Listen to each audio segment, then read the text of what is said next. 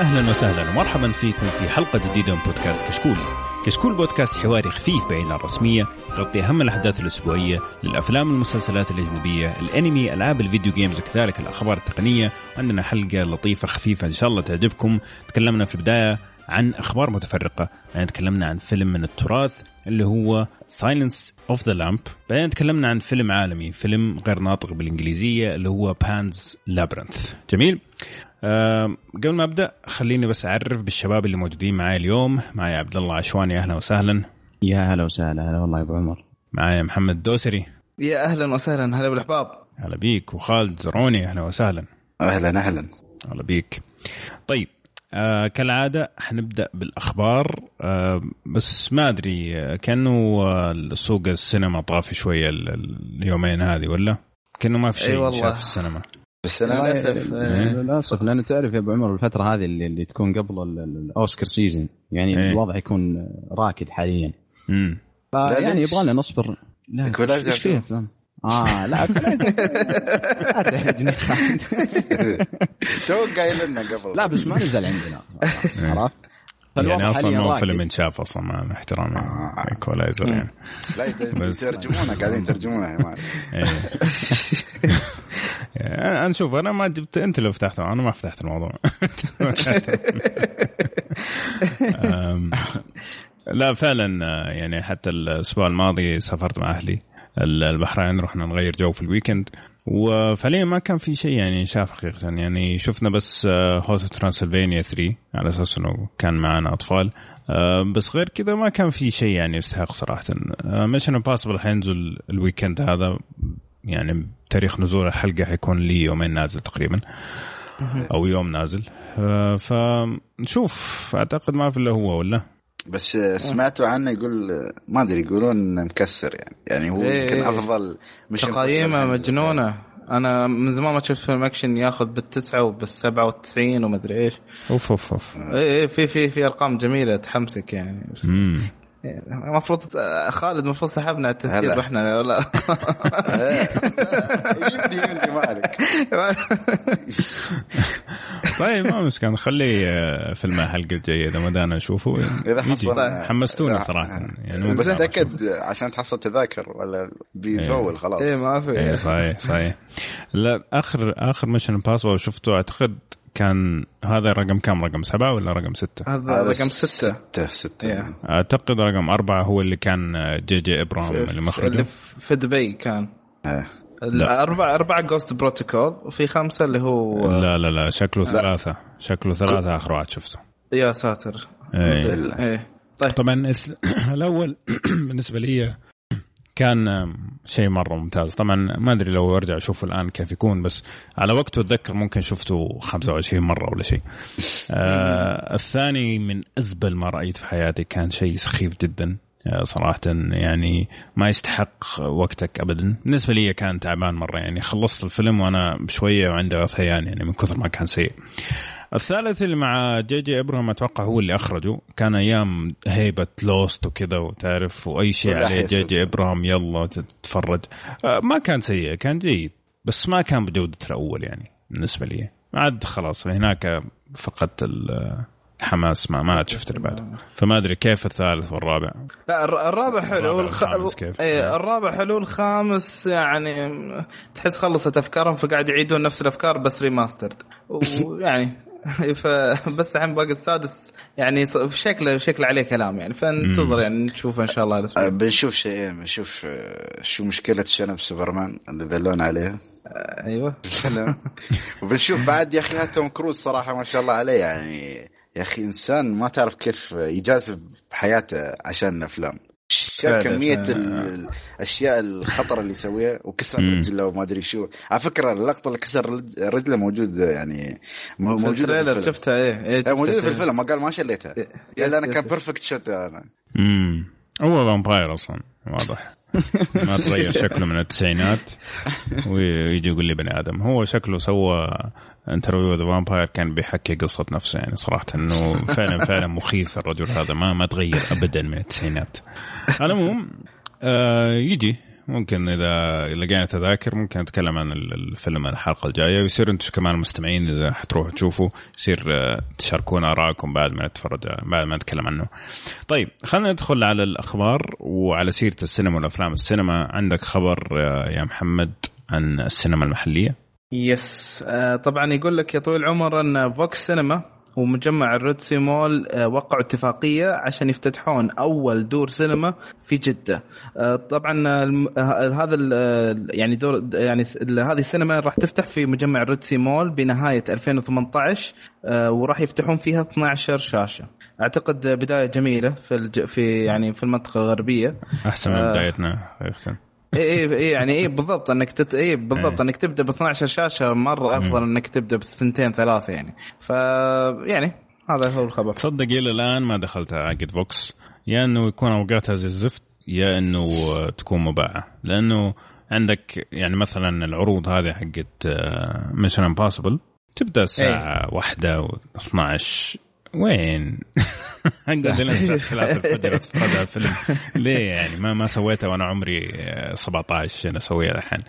فصراحة أوقات الشباب خاصة لما تكون أفلام جديدة مرة سيئة في ال weekend. ووسط الأسبوع طبعا تكون يا sold out يا إنه الكراسي قدام معفنة أو شيء زي كذا فما حصلت لي فرصة ابدا إلى الان أني أتفرج فيها صراحة. مع إني نعم. كنت أبغى أشوف IMAX صراحة Ant-Man إيه. بس ما حصلت الفرصة. أه، بس عندي أه، سؤال يا أخي. الحين AMC وين اختفت؟ ما أسمع شيء يعني. حتى أنت قلتي أعتقد آخر حلقة ما أدري قبلها. لأن الحين ما غيروا الكراسي ولا شيء. لا ما غيروا الكراسي ولا فتحوا الشاشات الثانية. آه يعني عليها زحمة. إيه انقط. إيه بس فصل النت عنده ورجع فقلت أشوف. عليها عليها زحمة في أيام معينة. يعني مثلا الجمعة عادة ما تلاقي. يعني مثلا انت مان كان تقريبا كل ال... كل الكراسي الكويسة كانت مأخوذة. كان ما في إلا الكراسي اللي قدام مرة وزي كذا. لكن مو زي VOX. يعني VOX على طول كله sold out sold out sold out يعني. طيب ف 12 شاشة مرة واحدة كويس مرة كويس. وغير كذا أصلا الرياض Park هذه صار يصير فيها جريات كثير مؤخرا. آه، يعني عندك الكهرباء تفصل آه، أو تكون فصلت قبل الفيلم فيروح الشباب يبغوا يحضروا الفيلم يقولوا لهم معليش ما في كهرباء ننتظر شوية ممكن ترجع زي كذا. ف آه، يعني تحس إنه رايح عند جارك ما أنت رايح سينما يعني. ف حطيت الشريط ولا بعد؟ ف فرياض بارك ما أدري إيش المشكلة اللي فيها بس يعني غير الحريق اللي صار قبل فترة تقريبا كل كل كم يوم تفصل الكهرباء وترجع وزي كذا. ف يا نشوف والله يا أخي نتمنى يعجلوا ويفتحوا في المولات الثانية بدل ما يكون التركيز كله على مكانين فقط يعني. يصير زحمة بعد يعني. اي طيب حلو. فشباب جدة تقدروا تتابعوا معنا أول بأول وتعطونا آراءكم ما عندكم عذر الحين. لما نقول لكم في آخر الحلقة أعطونا رأيكم. لا تقولوا لنا والله ما عندنا سينما. خلاص حتفتح لكم بعد شهرين ونبغى نسمع آراءكم كاملة أوكي؟ حلو كلام طيب هذا بالنسبة للأخبار المحلية. نيجي لزاك سنايدر. إيش عنده يا عبد الله؟ عشوان. طيب زاك سنايدر نعرف يا أبو عمر إنه عندك معزة خاصة له ف أيوه أكيد. قد عندي ال Blu-ray collection حق كل افلام لهم 300 بس. طيب يقول لك إنه زاك سنايدر لين الحين ما تفرج على النسخة النهائية من فيلم Justice League وأنا أتفهم الشيء للرجل أتفهم الشيء من الرجال لأنه آه، يمكن حصلت له فاجعه آه، على وقت تصوير الفيلم. اللي يمكن اللي ما تعرفونها وحتى أعتقد تكلمتوا عنها قبل في أحد الحلقات إنه من سبة الكلام والانتقاد الحاد اللي كان يجي على زاك سنايدر آه، بنته أعتقد المراهقة انتحرت في على وقت تصوير الفيلم Justice League فاضطر إنه يترك العمل على الفيلم فأعتقد جو بعد مخرجين وكملوه. فالرجال لين الحين ما تفرج على النسخة النهائية فال fans بعد ما نزل فيلم Justice League وكان flop صراحة ال fans في ال social media طالبوا بشكل مرة كبير إنه تنزل نسخة زاك سنايدر أو زاك سنايدر cut اللي إيه. يمكن تتضمن بعض المشاهد في النهاية ال Darkseid أو حتى سوبرمان في ال black suit والشنب ال... ف يقول لك إنه ورن آه، Brothers آه، لين الحين ما عنده أي نية إنها تنزل نسخة زاك سنايدر إيه للأسف صراحة يعني أنا ما تفرجت على الفيلم صراحة لين الحين لأنه مم. كان خيبة أمل يمكن بعد باتمان في سوبرمان فكنت ناوي أتفرج على نسخة زاك سنايدر صراحة لأنه تعرف ال- لما الفيلم يكون على ثلاث مخرجين شغالين عليه صعب صعب صحيح. تحس انه الفيلم ماشي على على نسق واحد أو على هدف واحد صحيح إيش رأيكم أنتم في الخبر؟ آه، بس ده السؤال أنت شفت الفيلم ولا؟ لا والله آه. ما تعرف اللي كذا طابت لا لا بس انت. تقول فلوب مش من حقك لا، لا، بس. أنا لا. بدافع عن الفيلم أنا مع إني أشوف الفيلم تعبان بس أنا أنا, عنه أنا لما مكان. فلوب آه، يا آه. خلود أنا لما أقول flop ما, ما أقصد رأي الجمهور هذا فعلا لا ولا رأي الجمهور آه. هذا اللي؟ صار ال- الفيلم جاب 600 مليون ترى نتكلم 600 مليون هذه هذه يمكن أحد أخيس أفلام مارفل يا عمي ثور السنة اللي راحت جاب 750 مدري 800 مليون عادي هذا على. فكرة في الخبر إيه. الفيلم طيب تقريبا ميزانيته 300 مليون و... يعني يا رجل أنت تخيل فيلم في باتمان في في, في سوبرمان في Wonder Woman يجيب 600 مليون يعني من كان أصلا يتخيل قبل 10 سنوات إنه في فيلم يجمع سوبرمان وباتمان. أنت متخيل؟ مم. آه، هذا ما هو رأيي هذا. فعلا اللي صار. هو دعاية الفيلم كان أقوى عن الفيلم نفسه صراحة. صحيح. يعني يعني حتى كمية هايب مش طبيعية والله. تتخيل الابيكنس بيطلع من الشاشة من كثر ما يعني أنت متوقعنا وآخر شيء مارثا. ما مارثا أقول. عاد ما شفت الدعايه أنا آه، ولا شفت League. ممتازة. لا الحملة الدعايه بشكل عام مش هذا. الدعايه أنا يعني من زمان ما أتفرج على دعايات إلا أيام آه، كشكول كانت في فقرة آه، أفلام قادمة من السينما وأنا ما كنت أحب الفقرة هذه لأن أنا ما أحب أتفرج على الدعايات أصلا أحسها تخرب علي الفيلم لكن Justice League والله إلى الآن ما ما عندي كذا النفس إني أقعد أتفرج صراحة فماني عارف صراحة بس خالد زرعوني لا، لا. رأيك مضروب صراحة لما نجي حاولت حاولت أدافع بس إيه. أنت تحاول ترقع العيش لا شوف هو ف- زاك سنايدر ما ألومه صراحة أنا ما أشوف فيلم يعني هو إيه. بروح أصلا شاف التقييمات قال ليش أشوف الفيلم وتابع أخيرا كمان يعني يعني كمان لما تيجي تشوف فيلم يذكرك بفاجعة يعني صعبة. شوية كمان. يعني صح صح بس رجع يشوف لله 300 مم. ال- المخرج زاك سنايدر من ناحية كتابه يعني في في كتابته الحوارات أو حتى إخراجه المشاهد ال- الدرامية الرجل مضروب في هذه الناحية. لكن كمشاهد أكشن ما أعتقد إن نقدر نختلف إنه الرجال فنان. صحيح. يعني فعلا الرجل صحيح. فنان في إخراج مشاهد الأكشن حتى أتوقع يمكن لو تجمع خمس أربع مخرجين يعني يضبطون أفلام أو مشاهد الأكشن زاك سنايدر حيكون من ضمنهم بالراحة. اي يعني لو هو بس يخلونه مساعد مخرج صدق يعني بس حق أفلام الأكشن صدقني والله اسمه قطيف العلال والله والله بس downgrade أليم يا أخي. شو تسوي؟ يعني أنت هو ما شاء الله مبدع في شيء بس آه. يعني هو لو يسوي فيلم أفلام أكشن نفس Equalizer 2 يعني على الدعايه طبعا. إنه بيضبط يعني ليش لا؟ okay okay. والله تصدق فكرة ممكن يروح يسوي الأفلام الكلبة هذه زي Man on Fire آه يسوي شغل مرة كويس لأنه يعتمد على الأكشن. يعني دي- هو كنت أنا أبغى أسوي تعليق بس لما تذكرت الفيلم ما قدرت ما أقول الفيلم الكلب يعني والله شوف يا معمر أنا أحب الفيلم. واحد دنزل واشنطن. صراحة ولا أختلف معك. الفيلم كلب. شوف شوف آه، أقترح بس آه، لازم نسوي حلقة عبد الله ضد حمد صراع دزل واشنطن والله يعني أبو حسين بس لازم يكون. معاكم عمور أيوه لازم يكون معاكم طبعاً. عمور. بعدين طبعا أنتم بعدين تسوون draft تختارون آه، بين إحنا الثلاثة بنكون موجودين ولا بس ممكن. طيب. حلو. آه، شكله حيكون ال- ال- الميم حق البودكاست حقنا دنزل واشنطن. طيب. هذا بالنسبة لزاك سنايدر فلا تتوقعوا أنكم تشوفوا آه، النسخة حقته. ممكن ممكن لما يجوا مثلا يبغوا يسووا box set ولا ممكن يجوا يسووا آه، احتفالية 10 سنين ولا what زي ما شفنا في أفلام كثير قبل كده إنه يكون في في اللقطات المحذوفة يعني إنك تقدر تشوف إيش اللقطات حقت زاك سنايدر.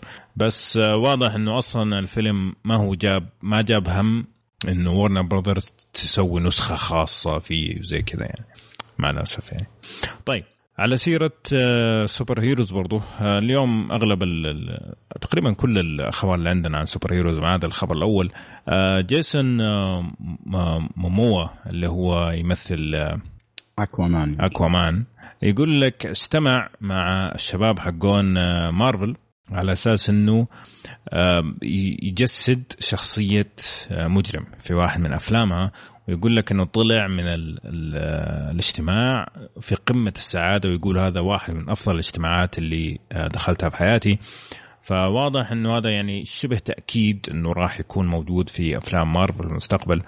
طبعا مين هو ممكن يكون؟ ما أدري. هل تتوقع ممكن آه، آه، آدم؟ إيش اسمه؟ آدم إيش؟ آدم وورلك لا لا. ممكن.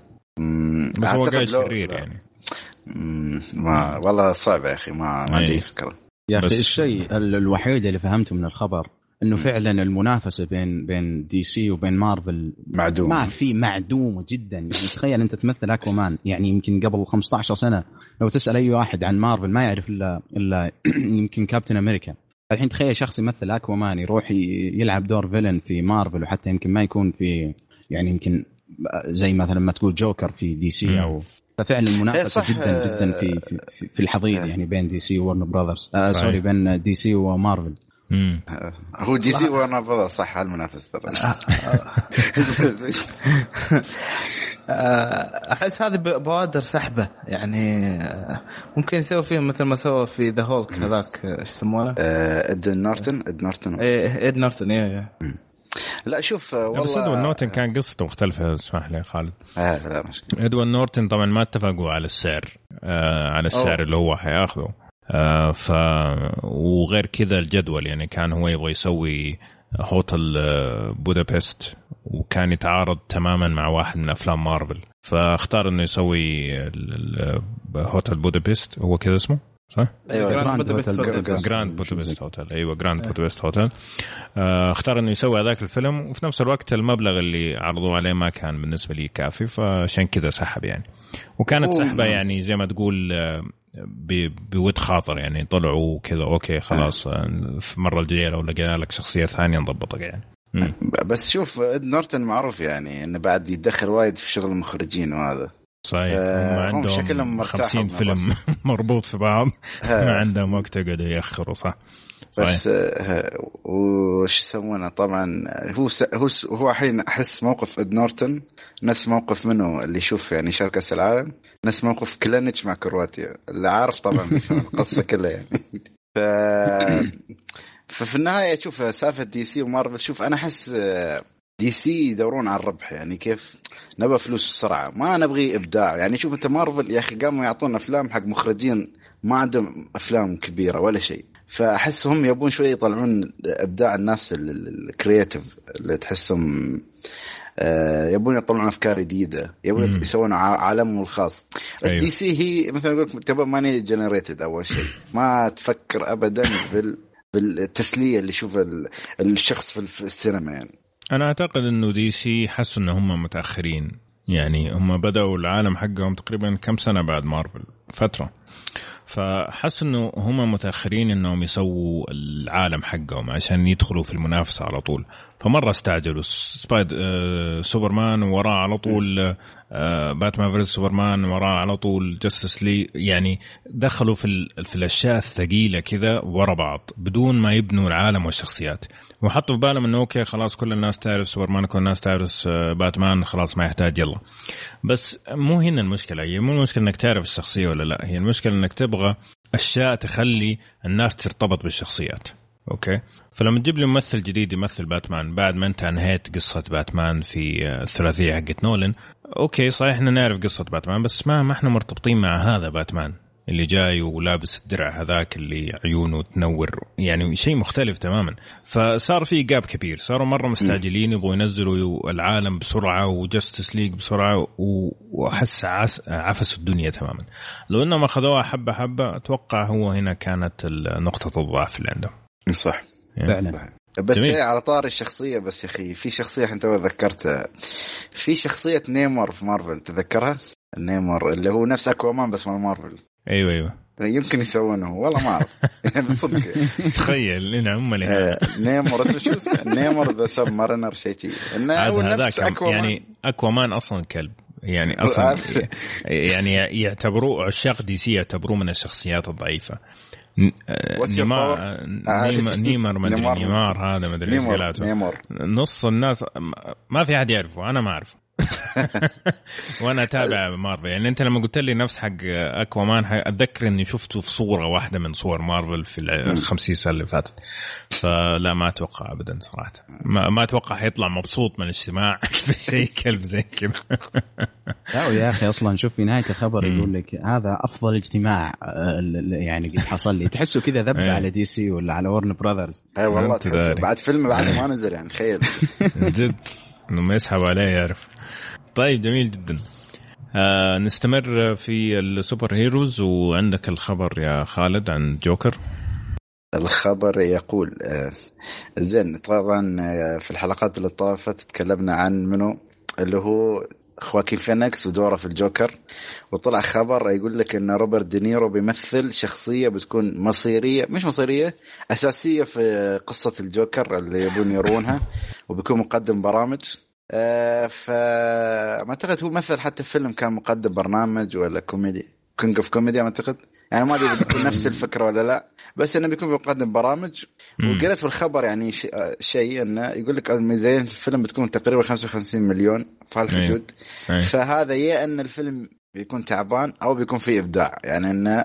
كل ما قال ال budget أحس فيه ممكن إبداع يكون من من صوبهم كتمثيل وكإخراج والأشياء إنه بيكون limited شوية أو إنه. بيبون العيد و... وسلم لي حتى على ال Dark Universe اللي يبون يسوونه والله شوف 55 مليون معناه واحد من شيئين. يا إنه روبرت دينيرو وفينيكس رضيوا برواتب قليلة يعني اقتنعوا بالفيلم لدرجة انهم رضيوا برواتب قليلة. يا إنه الميزانية كلها رايحة في رواتبهم والباقي كله إيش حيبقى يعني؟ إذا هتعطي هذا مثلا 20 مليون وهذا 10 مليون إيش حيبقى؟ 15 مليون ولا 25 يوم؟ إيش حتسوي فيها؟ الا لو حيسوي و- شيء زي جيت اوت ما أدري يعني. إيه. وأحس آه، يعني نجاح هذا الفيلم بالذات آه، يعني يعتمد بشكل مرة مرة كبير أن كيف المخرج راح يعطي مساحة للممثلين. يعني هذا هو أعتقد العنصر الأهم في الفيلم هذا. صحيح. آه، خواكين فينيكس آه، معروف إنه يبدع ويقدر إنه يعطي أكثر ما عنده. آه، بس أحس يعني الطرفين خلاص آه، عطى خواكين فينيكس وأيضا روبرت دينيرو عطهم فرصة هم اللي يبنون آه، تفاصيل شخصياتهم زي ما يبون يعني. آه، بس عندي آه، كم كمان عبد الله؟ أنا عندي بس تعليق بسيط على الخبر. يا أخي أنا الخبر مم. ساعدني جدا. ليش؟ ما هو بسبب روبرت دانيرو يعني طبعا روبرت دانيرو ممثل قدير وما حد يقدر يختلف عليه. ال- اللي اللي يسعدني إنه آه، لما تشوف ممثل زي روبرت دانيرو يجي للفيلم تعرف ال- ال- التأثير اللي سواه المنتج الفيلم اللي هو طبعا آه، مارتن سكورسيزي. فإذا كان يعني قدر يجيب آه، روبرت دانيرو أتوقع إنه ممكن يقدر يساعد في أشياء كثير بالفيلم. يعني وإحنا نعرف يمكن مارتن سكورسيزي أفضل. شيء يبدع فيه بعد بعد ال- الإخراج هو الإنتاج. يعني اي نعم. فحتى يعني له ممكن مسلسلات زي آه، ال- ال Boardwalk آه، شو اسمه هو؟ معلش Boardwalk Empire خبير. مسلسلات وينه أبو حميد. هو Boardwalk Empire اي صحيح. قلت اي نعم. ففعلا أقول لك إنه لو كان قدر يجيب روبرت دينيرو أتوقع إنه حي يساعد في أشياء كثير بالفيلم. آه ولما تشوف إن ال budget 50 مليون أو 55 مليون آه هذا يدل على دلالة واحدة بالنسبة لي إنه الفيلم ما راح يركز ابدا على اكشن حتى أتوقع إنه يمكن المشاهد الأكشن حتكون فيه اللي هي مسدسات يلد عرفت؟ بس. إيه. يعني هو ثمانينات جو ثمانيناتي ف شغل عرفت مارتن يعني. اللي إحنا مر... متعودين عليه. يا ليت. يعني. تخيل شغل مارتن سكورسيزي على الجوكر كذا. الله. أوف. والله يطلع شيء جميل. آه، آه. والله شوف آه، أنا ما كنت اعرف صراحة المنتج مار- مارتن. آه، ممكن جاب آه، جاء يعني روبرت دينيرو ك كفزعه ولا كصداقة ولا إنه يبغى يشتغل مع معاه بطريقة أو بأخرى. آه، ممكن. فممكن ما يكون أصلا ما أخذ مبلغ كبير. يعني إحنا نعرف إنه بعض بعض الممثلين يجي يقول لك أنا مستعد أشتغل مع هذا المخرج ولا مع هذا المنتج بربع اللي أنا أخذه مثلا. فقد يكون هذا اللي صار يعني. فهذا شيء ممتاز. أهم شيء آه. أهم شيء بالنسبة لي أعتقد إنه آه، ما يصير في تدخل من الاستوديو نفسه. يعني أنت جايب ناس عشان آه، يشتغلوا ومعطيهم أنت الفكرة الأساسية إنه تبغى توصل للنقطة المعينة. المشكلة اللي صارت في أفلام آه، دي سي اللي قبل كذا إنه كان في تدخل مرة كثير. يعني مثلا عندك إيش اسمه ال- الفيلم اللي كله مجرمين؟ Suicide Squad Suicide Squad Suicide Squad كان مصور بطريقة. بعدين جات جاء الاستوديو قال لا نبغى يكون في كوميديا كثيرة. أوكي؟ فرجعوا قصوا ورجعوا صوروا ورجعوا وخبصوا وفي النهاية طلع شيء خبيص. فهذا أتوقع واحد من الأسباب اللي خلت أفلام DC شوية ضعيفة إنه في تدخل كثير من ال من ال زي ما تقول المدراء الشركات مو هم الفنانين نفسهم يعني. فنشوف. بس شوف آه، أفكر ك producer اسم مارتن سكورسيزي مش موجود يعني ما أعتقد له علاقة بالفيلم. و وعلينا الحين دينيرو تقريبا rumor فعندك حتى زازي بيتس اسمه أعتقد؟ صح إيه؟ اللي مال أتلانتا. هاي بعد موجودة ك rumor يعني. لأن الحين بس الوحيد الاكيد اللي هو الجوكر. وهذا بس أنا كنت جاي أسألكم سؤالين يعني. السؤال إيه؟ الأول يعني شو رأيكم في دينيرو؟ تقريبا أنتم ما أدري قلتوا رأيكم إلا الدوسري أعتقد ولا؟ لا دوسري زعل منك عشان اخذت خبره. اخذت خبر إيه. أوه. والله العظيم أقدر لا قال مرتين اللي يعني سوى إيه. نفسك متفاجئ. لا والله ما كنت أدري. إيه مو مشكلة. لا لا أنا كنت فاتح بتأكد من سالفة مارتن سكورسيزي يعني. فالمهم دوسري كمل طيب دام قلتها خلاص أجل ندخل في الخبر. هو طبعا آه، زي ما قلت هو مو مرة rumors بس يعني زي ما قلت لا زالوا في مفاوضات على على الخبر أو على قصدي الممثله نفسها. اللي هو إن الممثلة زازي بيتس اللي شفناها في Deadpool 2 شفناها أيضا في اتلانتا آه، إنها تكون أو يعني أحد ممثلات الفيلم حق الجوكر. آه، ف يعني طبعا زازي بيت يعني عجبتني صراحة في عملين هذول وصار عليها طلب. يعني في لها فيلم بيكون من كتابة نوا هولي مع ناتالي بورتمان وأيضا لها فيلم ثاني اللي هو High Flying Bird أو هو يمكن نفس الفيلم ما أدري يعني لأن الخبر مو مو يعني صياغة الخبر ما كانت واضحة كثير بس عموما إنه يعني هي كممثلة كويسة لكن إيش بيكون دورها بالفيلم ما أدري ما أتوقع إنه واضح خاصة إنه ما أتوقع إنها تناسب إنها تكون مثلا هارلي كوين. وما أعتقد أصلا ممكن الفيلم يضمها ك أو يضم شخصية هارلي كوين.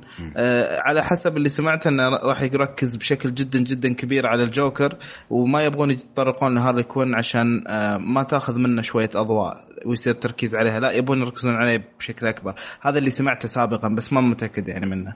شو اللي عارفنا يعني وفاهمنا إن الفيلم بيكون في حقبة الثمانينات بيكون يعني كقصة أساسية الجوكر. يعني اللي شاف تقريبا فيلم The Killing Joke animation بيكون ال part اللي في الماضي. أعتقد هذا ال adaptation يعني. مم. مش أكيد 100% يا لطيف. ليش؟ والله فيلم كلب كان أنا لا لا Joke لا أنا أتكلم عن ال comic نفسه كان ممتاز ال comic آه. كان خرافي من أفضل الكوميكس حقت باتمان لكن ال animation كان مرة مرة سيء من أسوأ ما شفت السنة الماضية حقيقة هو آه. هو هو في في أي من الكوميكس اللي جاب ال back story حقت الجوكر. يعني أنا ما أتذكر من أي واحد من الأعمال اللي أعطاني ال back story حقت الجوكر نفسه. إيه ذا كان أيوه هو يوريك كيف صار الجوكر من البداية يعني. قبل ما يصير جوكر إيش كان يشتغل وإيش صار وليش صار كذا وكيف صار كذا. حلو. يعني آه، صراحة ضيعوا لأنه القصة مرة رهيبة لكن الطريقة اللي سووها بيها كانت يعني فشل ذريع جدا جدا جدا يعني. أي أحد قاعد يسمعنا لا يضيع وقته في Killing Joke صراحة حرام. لو تقدر تروح تشوف تقرأ ال comic أحسن لك. لو ما تقدر انتظر الفيلم حق آه، جوكر هذا ممكن يكون أفضل شوي. آه، بس هيك كنت بسألكم سؤال عن ما تحسون إنه مخاطرة يعني يرجعون لشخصية الجوكر؟ لأنه يعني الشغل اللي سواه هيث ليدجر زين يا أخي شيء يعني صعب خلاص تصير أفضل منه يعني. فشو رأيكم في الكلام يعني؟ والله شوف يعني في الرجال في النهايه الرجال الرجال مات يعني فما في يعني ما في حل إنك أنت ترجع تسوي إلا لو إنك حتسوي CG. لكن أختلف في مسألة إنه ما في أحد ممكن يجي يسوي الجوكر أفضل. ممكن ما يسوي نفسه. ممكن يسوي لأنه أصلا الجوكر حق اللي كان في التسعينات في الثمانينات sorry في الفيلم باتمان الأول هذاك مين كان الممثل؟ اللي هو جاك جاك نيكلسون. جاك نيكلسون. الجوكر حق جاك نيكلسون لأنه أنت عندك شخصية الجوكر نفسها في الكوميكس حقت باتمان مختلفة. في عندك اللي هو ال gangster اللي هو هذا اللي سواه جاك نيكلسون. في جزء شخصية في أجزاء ثانية مختلفة اللي هي شخصية السايكو هذه اللي كان مسويها هيث ليدجر مم. فاصلا الجوكر نفسه ما هو يعني نسخة كذا واحدة في عدة نسخ منه. فممكن يجي واحد يسوي نسخة ثانية ويسويها بطريقة مختلفة وبطريقة ممتازة وممكن بطريقة أحسن كمان. لكن المشكلة إنه لما يجوك ال fanboys ويقول لك لا ما في أحسن ما حد يقدر يسوي غير كذا. هنا اللي ممكن يخرب شوية على آه زي ما تقول فينيكس إنه يبدع. أو إنه يتقيم تقييم صريح, صريح وواضح إنه يقارنوه بهيث ليدجر فيقتلوا إبداعه حتى لو كان أبدع يعني هذا هذا آه. الخوف يعني مم. آه، هو طبعا زي ما تقول يعني هيث ليدجر قبل يعني فيلم The Dark Knight ما هو ما هو الممثل الخرافي اللي مثلا تقدر تعتمد إنك تشوف له كل أفلامه وراح تعتمد إنه راح يبدع دائما فأعتقد يعني مثل ما فاجئنا هيث ليدجر بشكل كذا يعني أو فجأة طلع إنه يعني شيء يعني بالدور هذا اللي ما راح ننساه ممكن إخوا- خواكين فينيكس أيضا يقدر يسوي نفس الشيء ويمكن حتى أفضل ما تدري. خاصة إنه عنده. خبرة إيه ف يعني ننتظر فرصة. كذا أصلا إيه، إيه، بالضبط صحيح.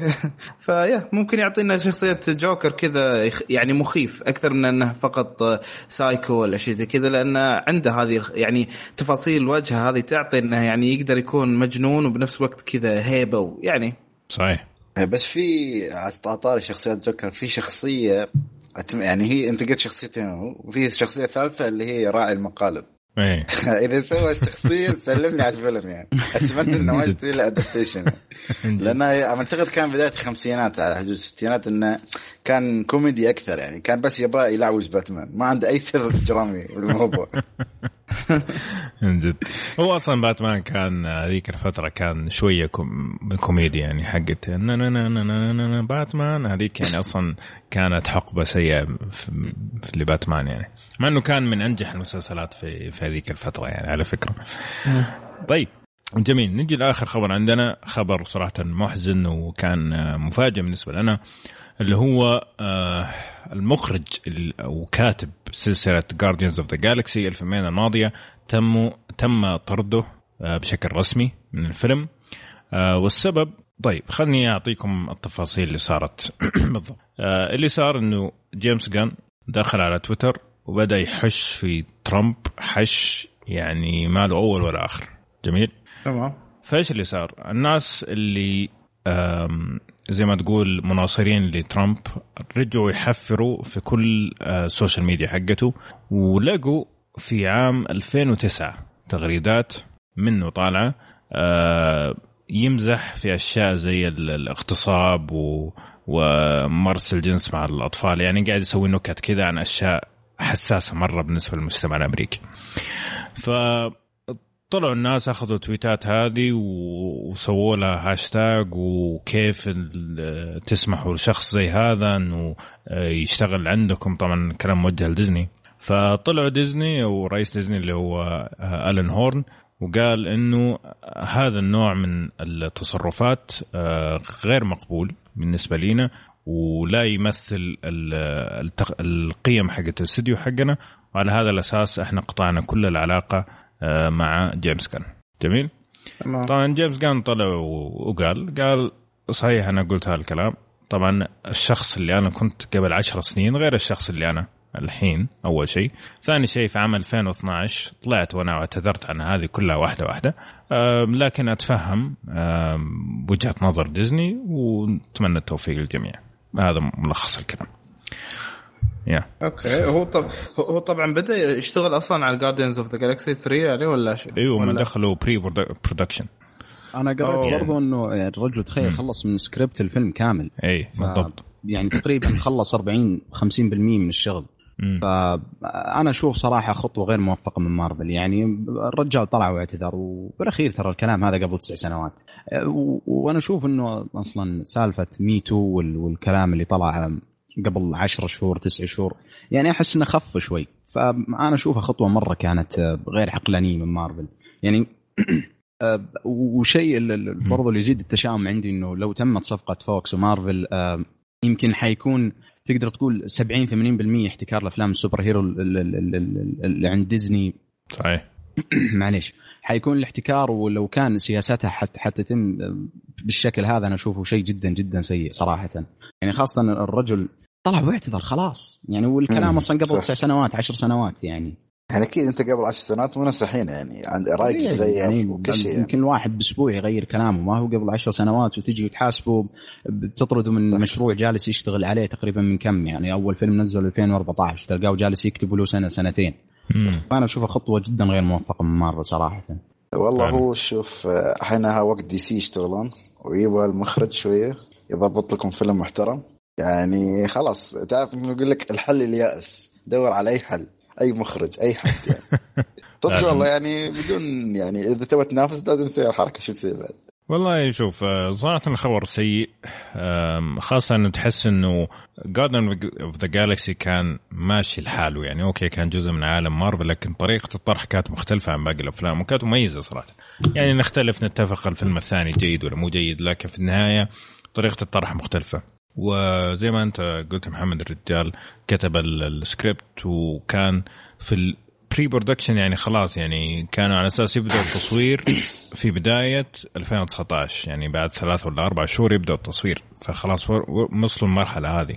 طبعا آه، باتيستا طلع وقال إنه أنتم كلكم زلايب ما عندكم سالفة يعني كتب ممكن سبعة تويتات كذا يعني فعليا كان جدا زعلان. من اللي صار وما ادري إذا بيكمل معاهم ولا لا لكن آه، كان في. في يأس يعني في يأس من ناس كثير إنه صار أي شيء ممكن يخلي الواحد آه، يترمي في الشارع بكل سهولة يعني بدون أي يعني الرجال زي ما أنت قلت يا عبد الله اعتذر والكلام هذا من عشر سنين خلاص يعني إيش تبغى لازم إلا يعني ما أدري والله بس يعني شوف كيف دخلته في السياسة خربت عليه كل شيء حقيقة. يعني لو ما حط التويتات هذه حق ترامب ما كان راحوا ناس آه، آه، حفروا في ال social media حقته فهمتني؟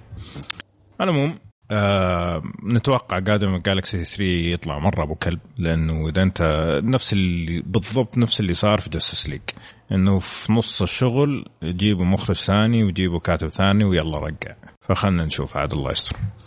حلو. طيب في يعني بضيف شيء على الموضوع هذا وأي موضوع ثاني؟ حلو الكلام. طيب زي ما قلنا في البداية حنتكلم عن فيلمين اليوم. آه، الفيلم الأول من التراث واحد من الأفلام الكلاسيكية اللي موجود في آه، الأفلام اللي لازم تنشاف قبل ما تموت اللي هو The Silence of the Lamp اللي نزل عام 1991 من بطولة آه، أنثوني هوبكنز جودي فوستر وآخرون. آه، الفيلم آه، من آه، آه، جوناثان آه، ديما. ديمي سوري اللي أخرج آه، فيلادلفيا و Something Wild أفلام التسعينات الثمانينات كانت مشهورة جدا. آه، فكرة الفيلم بكل بساطة إنه في عندك جودي آه، فوستر تمثل شخصية كلاريس اللي هي شرطيه في ال FBI وفي زي ما تقول قاتل متسلسل OK؟ يبغوا يمسكوه بطريقة أو بأخرى. جميل؟ لكن في عندهم زي ما تقول حلقة وصل ضايعه OK. في نفس الوقت في من أبشع المجرمين ال- المتسلسلين ممسوك في سجن ال FBI اللي هو هانيبال ليكتر اللي يمثله انثوني انثوني هوبكنز قالوا يبغوا يسووا معاه زي ما تقول نوعا من ال يسموه؟ التحليل النفسي. OK. أو ال deal. على أساس إنه يطلعوا كذا بطريقة بأخرى المعلومات ممكن تفيدهم في الحلقة الناقصة هذه عشان يمسكوا القاتل المأجور آه المتسلسل اللي موجود آه خارج السجن حاليا. جميل؟ طبعا الفيلم جزء من عدة آه أفلام عندك هانيبال نزل في عام 2001 و Red Dragon نزل في عام 2002 و Hannibal Rising نزل في عام 2007 حلو الكلام؟ وكلها جاية من روايات كلها جاية من روايات صحيح. أي نعم. الفيلم أخذ تقييم 8.6 في IMDb و85% في Metacritics حلو الكلام. يلا يلا. نبغى نسمع ارائكم عن الفيلم الكلاسيكي هذا. طبعا الفيلم هذا كان موجود في سلسلة أبشع مجرمين موجودين على الشاشة. كان عندنا حلقة في يوتيوب قبل فترة وكان هانبل لكتر واحد منهم. فخلينا أسمع معاكم إيش رأيكم في الفيلم بشكل عام. خليني أبدأ معك عبد الله. عبد الله طاح كبير. لا لا موجود. بس إيه، حصل طيب. مشكلة. إيه. في البداية الفيلم جدا جدا عجبني. آه أنا للأسف يمكن هذه المرة الأولى اللي أتفرج على الفيلم. آه صراحة يعني إذا بت- بتكلم عن الفيلم بشكل عام ما أدري منين أبدأ. لأنه أنا بالعادة لما أخلص الفيلم يعني أفتح ال- ال- ال- المذكرة عندي وأسجل بعض النوتس. هذا تعرف من كثرة الأشياء كذا اللي, اللي تصير في مخك ما ماني بقادر أمسك شغلة واحدة وأتكلم عنها. والله أيوه. الفيلم سواء ال- القصة وال- وال- والسرد القصصي كان آه، عشرة على عشرة بالنسبة لي. التمثيل يعني أنثوني هوبكنز على فكرة أتوقع أنه يعني أقل شيء على حسب الأفلام اللي أنا شفتها أنه من أقل الممثلين اللي طلعوا وقت على الشاشة وفازوا ك... فازوا بالأوسكار. يعني أتوقع هو ممكن و... و... وكيفن سبيسي في 7 لكن مع مع إنه العدد يمكن حتى في ممثلين مساعدين ثانيين طلعوا أكثر منه بالوقت على الشاشة مع هذا فاز بالأوسكار. يعني تمثيله كان تعدى مرحلة الجو. فعلا فعلا. إيه. مع إنه أكل الجو على قولتك أبو عمر لكن مع هذا جودي فوستر بدعت بدعت جدا جدا بالفيلم. صحيح. يعني بالنهاية هذه ممثلة ترشحت على الأوسكار لما كان عمرها 14 سنة يعني السبعينات. فهذا أقل شيء ممكن تقدر تسويه. آه ال ال ال ال القصة بشكل عام آه معليش بس في في في تذكرون أول مشهد لما المقابلة بين آه، جودي فاستر وانثوني هوبكنز؟ يا رجل من من قوة تمثيله والله العظيم أنا أنا شعر يدي وقف كذا لما لما جاء جت الكاميرا عليه. فعلا كان جدا جدا جدا خرافي. يعني حتى من كثر من التمثيل حقه ليه أنا مخي ماني بقادر أتذكر شيء ثاني من الفيلم أتكلم عنه صراحة. لكن عموما فيلم تحفة. فنية. آه، آه،. فيلم خرافي. يعني يمكن لو بنصح أحد يمكن أفضل خمس أفلام جريمة وتحقيق يمكن هذا يكون من ضمنها. واو. ففيلم جدا جدا ممتاز. جميل. طيب خالد؟ مش إيش تبغى تقول بعد الكلام اللي قاله؟ زين. آه، شوف آه، أنا لا حسيت آه، عبد الله قبل شوية ما اقطع كلامك. تعرف إنك كذا تقابل واحدة عجبتك من زمان وتبغى تتكلم معاها وما انت عارف تتكلم عارف إيش تقول نفس الإحساس هذا صح؟ الفيلم هذا لو لو كان لو كان سيدة لتزوجتها يا رجل أوف أوف. يا إلهي أجل عرفنا ليش طحت في البير في البداية أقول؟ على الفيلم اللي يخرف نفسه. يا خالد زين أنا متفق معك 100% يعني يعني تمثيل أنتوني هوبكنز يعني شيء آه، كان قوي جدا. يعني حتى كنت أتمنى شوية تعرف لما تشوف الحين عندك Westworld يعني season 1 تحس خاطر كنت خاطر أسمع نفس البحه الخفيفه بس تحس قبل يعني قبل كم سنة الحين تقريبا؟ 30 40 سنة؟ 30 سنة تقريبا. فحسيت تعرف نبره صوته وايد تغيرت يعني في هالسنوات بس بعد اداء ولا أقطع واردك يا خالد. صدق يا أخي وأنا أتفرج على الفيلم كذا أحيانا أحسه بي- بيوقف شوي بعدين يقول برنارد عرفت؟ فعلا والله العظيم يا أخي. الممثل هذا مبدع. مميز، إيه. مميز. لا بس شوف ك ك يعني آه، تحليل نفسي فيلم يعني شوية ذكرني حتى في Mindhunter أجواء يعني الحين حتى تحمست يعني إني أرجع أشوف المسلسل.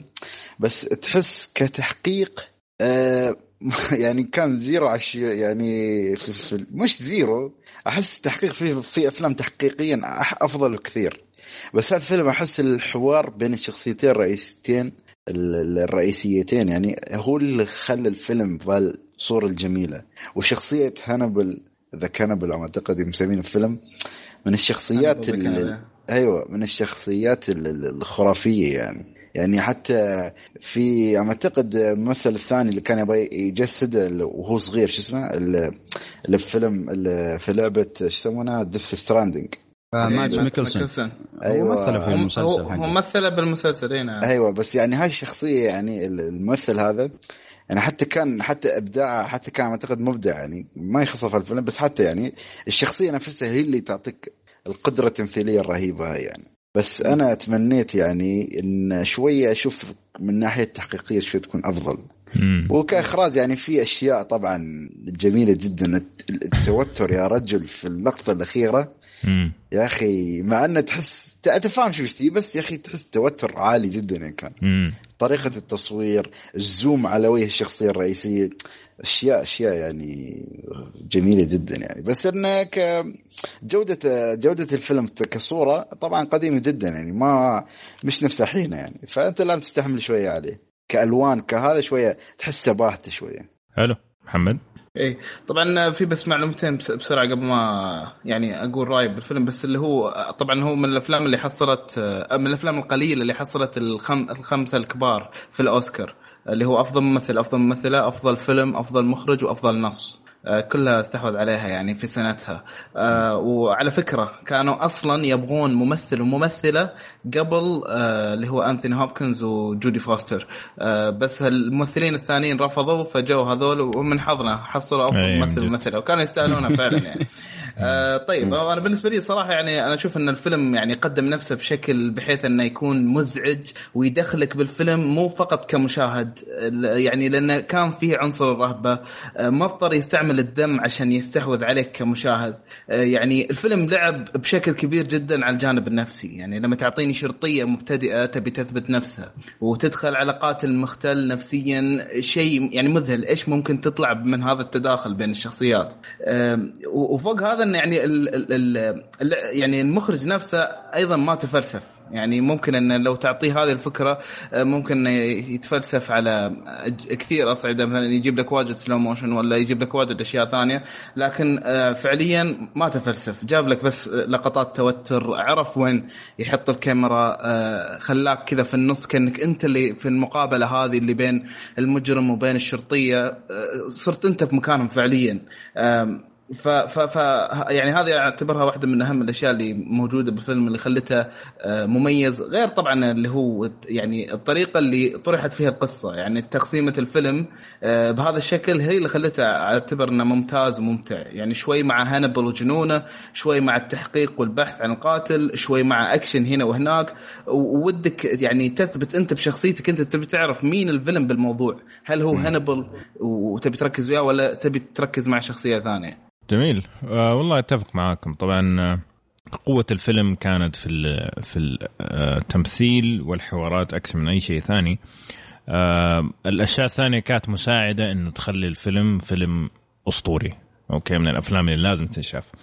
لكن التركيز الأكبر اللي خلى الفيلم يعني من الأفلام اللي ما تتكرر حقيقة كيف إن هم وازنوا بين كل الأشياء بين القاتل الحالي وبين القاتل السابق اللي هو هانيبال وبين الحوارات بين زي ما تقول اختلاف الخبرات بين شخصية مبتدئة في الحياة وشخصية لها سنين في مجال الإجرام. الخلطة هذه صراحة كانت خلطة ناجحة جدا إنه خلت المشاهد نفسه يحس بإحساس كل الشخصيات على حدة. يعني لما تكون الكاميرا موجودة على جودي فوستر تحس إنه أنت فعليا ما أنت فاهم ولا شيء في العالم. وطبعا هذا يعني دليل كبير على جودة تمثيل جودي فوستر. نفس الشيء هانيبال لما أنت تتفرج على هانيبال تحس إنه أنت مجرم. يعني تحس نفسك مجرم وأنت قاعد تتفرج عليه. تحس يعني ترتبط في أفكاره وبطريقة لدرجة إنك شوية وتقتنع بكلامه إنه اللي بيسويه عادي يعني فهمتني؟ فهذا الشيء خلى الفيلم يعني فعلا فيلم ما يتكرر وممتع المشاهده في أشياء كانت ضعيفة طبعا. في واحد مشهد كان في البيسمنت بدون ما ندخل في في تفاصيل كان من أرخص ما رأيت في حياتي. لكن يتسلك مقارنة بباقي الفيلم. طبعا عشان إمكانيات أصلا أنت قاعد تتكلم عن 91 الفيلم تصور في نهاية في بداية التسعينات نهاية الثمانينات. فكان في شوية زي ما تقول عدم مقدرة إنهم يسووا أشياء ممتازة من هذه الناحية. نفس الوقت لا ننسى كمان ال rating. زمان كان ال rating إنه لازم تخلي الأشياء شوية غير واقعية.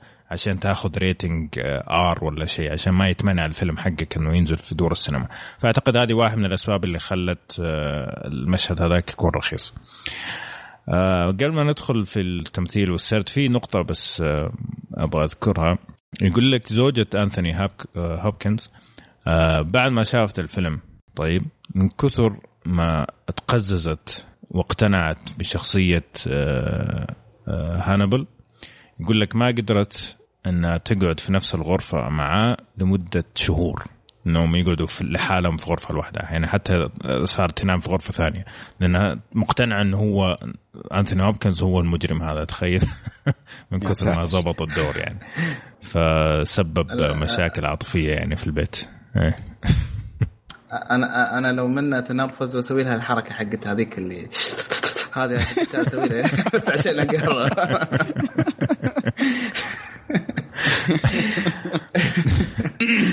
جميل. طيب هذا بشكل عام آه كيف كانت تسلسل الأحداث يا محمد؟ إيه، تسلسل الأحداث أنا بالنسبة لي هو اللي يعني اللي يعني اللي خلى يخليك تستمتع في الفيلم فعلا. يعني أنا ذكرت إن يعني إنك تتنقل بين قضية إنها هي تروح وتحاول إنها تحقق وبين إنها تحاول إنها تبني ثقة مع بينها وبين هذا القاتل المأجور اللي هو هانبل عشان تحاول تخ... تاخذ منه معلومات. آه، التنقل بين هذه المشاهد كان جدا ممتع صراحة. ممكن ما كان كل الفيلم متزن لأن آه، خلينا نقول النص الأول من الفيلم أنا بالنسبة لي كان شوي أقوى من النص الثاني. النص الأول كان آه، فيه كذا تحس إنهم أعطوا البادجت الأكبر هناك. أخذوا وقتهم ممكن أكثر حتى هناك. يعني مثلا ممكن كان عندهم سكجول للتصوير وانضغطوا مثلا في, النص الثاني. ما أدري في في في نق في في شيء واضح بالنص الثاني اللي يخليك تقول إنه شوي أرخص من النص الأول.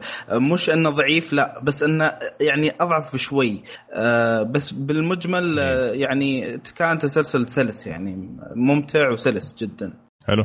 عبد الله؟ والله يتفق مع أبو حميد. يعني أنا خاصة السبب يمكن الأكبر اللي عجبني الجزئية الأولى من الفيلم إنها كانت بشكل كامل تعتمد على الحوارات يمكن أكثر من العمل التحقيقات أو عمل الشرطة وال يعني وانه يكشفون المجرم. لأنه كان في يمكن أربع خمس مشاهد بين جودي فوستر وأنتوني هوبكنز.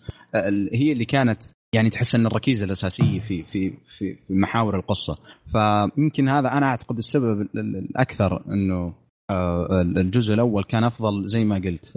التركيز كان على الحوارات أحسه أكثر. الجزء الثاني لما بدون حرق بس تحس الشخصيتين تفرقوا عن بعض. آه، فهنا أحس إنه الفيلم شوي طاح رتمه. بشكل بسيط يعني ما هو مرة. جميل. أتفق معاكم. طبعا خالد طاح في البير فحنسحب عليه. آه، طيب نجي للتمثيل. طبعا إحنا تكلمنا بشكل عام و... وأعتقد كلنا نتفق إنه الاثنين كانوا يستحقوا ترشيحهم وكان المفروض الاثنين يفوزوا صراحة لأنه كانوا أبدعوا جدا في ابداع شخصيات بكل يعني بالتعابير بطريقة الكلام بال بطريقة نطق الكلام. كله كله كان يعني تحس إنه الدور مفصل عشانهم. وفي الحقيقة لا لما تشوف أدوارهم الثانية تقول هذول مستحيل يقدروا يمثلوا هذا التمثيل. فهنا كان الإبداع صراحة الشديد في جودي فوستر وأنثوني هوبكنز. آه، بس كيف كانوا الباقيين؟ باقي الطاقم ولا صفر على الشمال؟ ما أتوقع. شوف كم كم عبد الله؟ ما أدري يا أخي. ما ما أعتقد إنه في أحد كان تمثيله. خلينا نقول أتكلم عن الشخصيات اللي لها تأثير. يعني مثلا اللي شغالين في ال FBI البنت السمراء هذيك ما يعني في النهاية كلها يمكن لاينين أو ثلاثة اللي قالتها في الفيلم. فحتى التمثيل لو كان كويس ما راح يبين لك. يمكن الشخصية الوحيدة بس اللي هي شخصية المجرم السايكو هذاك. هذاك يا أخي ما أدري المشكلة في شخصيته ولا فعلا هو ما يعرف يمثل. لأنه شخصيته كانت مضروبه فعلا يعني مخه مضروب فما أدري هل هو من كثر ما إنه حبك الشخصية طلع بالشكل هذا اللي خايس مرة أم إنه تمثيل الرجال فعلا ما يعرف يمثل. ما أدري إيش رايكم أنتم؟ والله يعني شوف يعني أنا أنا بالنسبة لي كنت اللي أشوف إيش إن الاثنين هذول بدعوا لدرجة إن أي أحد بيوقف جنبهم بيصير خايس صراحة فيها حتى لو إنه عادي. فعلا. إيه فهذا أنا اللي شفته. يعني أنت لما تشوف م. يعني يجيك يعني اللي هو هانيبال يعني هدوء شخصية جونز هوبكنز وهو العنصر اللي لحظة جونز هوبكنز مستشفى ليش دخل آه، لا انثوني هوبكنز. آه، إيه، المهم آه، هدوء شخصية انثوني هوبكنز هو العنصر الأكثر رهبة يعني في في رصته على الكلام وكيف يبرزها ويطلعها هذه كلها بدع فيها كممثل. ال chemistry اللي بين بينهم ترى يعني هم في رغم أن هذه شرطية مجرم لكن كان في علاقة كانت تنشأ في هناك يعني في في السجن لما كانوا يتحاورون. توافق تحس. أو اي توافق. فكان في chemistry بين شخصيتين. يا أخي طبعا يعني الفعل فعليا هو في بينهم رابط أن اثنينهم يعتبرون ترى في سجن. هو السجن حقه سجن حديدي والسجن حق الشخصية جودي فوستر اللي هو السجن عقليات اللي حولها اتجاهها لأنها مبتدئة. اي فها إيش الشعر هذا اللي قال كيف؟ بس والله انك لا أنا من بعد جونز هوبكنز انسى. ف... فبس يعني هذا هو. يعني حتى عبد الله قبل شوية ما أدري إيش اللي قال بس آه، في الأخبار قال حاجة كذا برضو شاعرية ما شاء الله. اليوم الجو عالي. والله آه، أتفق معاكم هو ما هو المشكلة في الممثلين المشكلة في الاثنين هذول انه هم فعليا أكلوا الجو لدرجة إنه أصلا ما تقدر تتذكر أي أحد ثاني. مستحيل يعني مثلا لو أحد ما شاف الفيلم من شهر بس. أقول له إيش رأيك في الممثل الفلاني؟ يقول لي هو كان في الفيلم أصلا؟ مستحيل أصلا إنك تتذكر إنه كان في أحد غير هذول الشخصيتين. لأنهم غير إنه التركيز أصلا كان عليهم بس لأنه كان أدائهم فوق العادي. يعني كان من زي ما تقول الأشياء اللي تدرس حقيقه. آه ف يعني حتى لو أنت مثلا كمشاهد ما تعجبك هذا النوع من الأفلام ولكن مثلا تستمتع في التمثيل الممتاز الفيلم هذا كافي إنك تتفرج عليه بس عشان تشوف التمثيل فيه من بين الشخصيتين هذول. حتى لو ما عجبتك الشخص القصة ولا أي شيء ثاني فعليا التمثيل لحاله كافي إنك تتفرج على الفيلم. طيب كيف الاخراج الصوتية؟ طبعا بالنسبة زي ما قال خالد آه، الفيلم بانه كان في نهاية الثمانينات بداية التسعينات فطبعا عمره في في الألوان وزي كذا واضحة جدا. لكن في النهاية الإخراج الممتاز يبقى ممتاز حتى لو كان أبيض وأسود. فعبد الله كيف كان الإخراج؟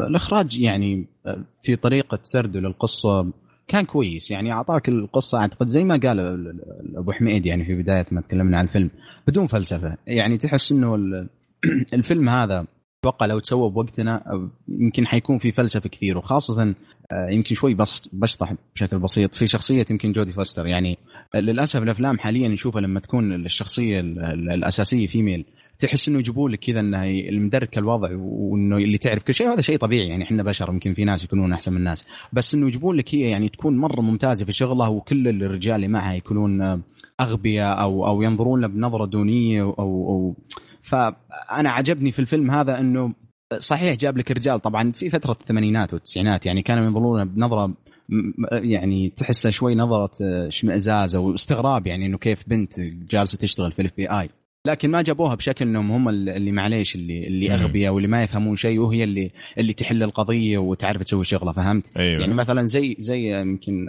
معليش من أحد أرهب المسلسلات بالنسبة لي السنة اللي راحت لكن كانت فيها المشكلة الكبيره كان بقله اللايز اللي لما دائما تكون البطلة فيميل يكون الرجال في الفيلم غالبا يعني معليش ما خليني ما أقول بس يكونون أغبياء يعني فهمت علي؟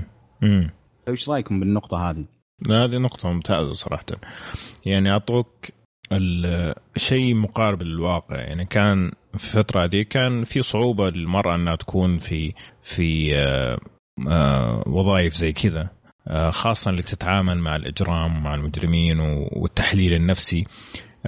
في يعني زي ما تقول استغراب إنه المرأة تكون في هذيك في هذيك الوظيفة. فجابوا لك هذه الناحية لكن ما جابوها من ناحيه إنه مثلا والله المشكلة إنه هي مره وكلهم رجال. مو هذه المشكلة. المشكلة إنه فعليا ما حد قادر يوصل للقاتل المتسلسل هذا. فالمشكلة عامة على الجميع مو إنه واحد ذكي والباقي أغبياء. وفي النهاية كل الاف بي اي اضطروا إنهم يروحوا المجرم عشان يساعدهم يمسكوا مجرم ثاني فهمتني؟ طيب. فنقطة ممتازة جدا صراحة طيب محمد أنا أنا ذكرت already يعني أهم شيء كان بالنسبة للمخرج في الفيلم إنه عرف متى يختار اللقطات و... وإيش المستوى حق اللقطة نفسها؟ هل هل أنا أحتاج أختار الحين لقطة متوسطة ولا قريبة؟ أه، نشوفها كثير أحيان مثلا نظرات بين بس جودي فوستر وأنتوني هوبكنز أه، يقرب على عيونهم ويخلي مثلا إضاءة معينة تصير على العيون بأن يعني يلا ركز عليهم. أه، هذه التفاصيل أحبها أنا لما يكون مركز فيها ان يعني يصير أنا أفهم المخرج بدون ما يقعد يتفلسف ويقعد يشرح نفسه. لا كان واضح وش يبي يوصل. يبغى يوصل إنه الحين ركز لي ترى بمشاعرهم الحين ركز لي بهذه الأشياء. أه حتى مثلا لقطات بناء التوتر نفسه. أه اختياره مثلا للقطة اللي كانت في النهاية لما آه، زي ما قلت أنت في البيسمنت. أه صحيح إن المشهد نوعا ما كان رخيص لكن في كم يعني لمسة من المخرج كانت توصلنا للتوتر. يعني مم. إحنا ما نعرف كثير عن الساس القاتل المتسلسل هذا ما صحيح. شفناه يقاتل ما شفنا هذه العناصر لكن آه، قدرنا نستشف إن إيش قد هو آه، يقدر يعني متمكن صحيح إيه طيب حلو آه قبل ما نروح لنهاية الكلام آه هل الفيلم فيه تعري؟ لا ما ما. اعتقد صح؟ أتذكر. لا آه في بدايه كلام في أتوقع آه، خفيف بس. إيه، شيء خفيف، بسيط. أي. آه ينفع المشاهده الجماعية؟ آه، أعتقد يس يس والله ممكن صحيح. مم. لأنه لأنه يقدر يميل إنه يكون فيلم آه، نفسي شوي تحقيق شوي جريمة. إيه. يعني فيه فيه- كم لمسة من كم genre فأعتقد إنه يناسب الأغلبية يعني. أوكي. Yeah. طيب مين ممكن يعجبه الفيلم هذا؟ آه، آه، محبين آه، أفلام التحقيق يعني ان جنرال والأفلام النفسية. النفسية برضه. صحيح. الناس اللي يبغوا يتفرجوا على حوارات تعجبهم الحوارات الجميلة.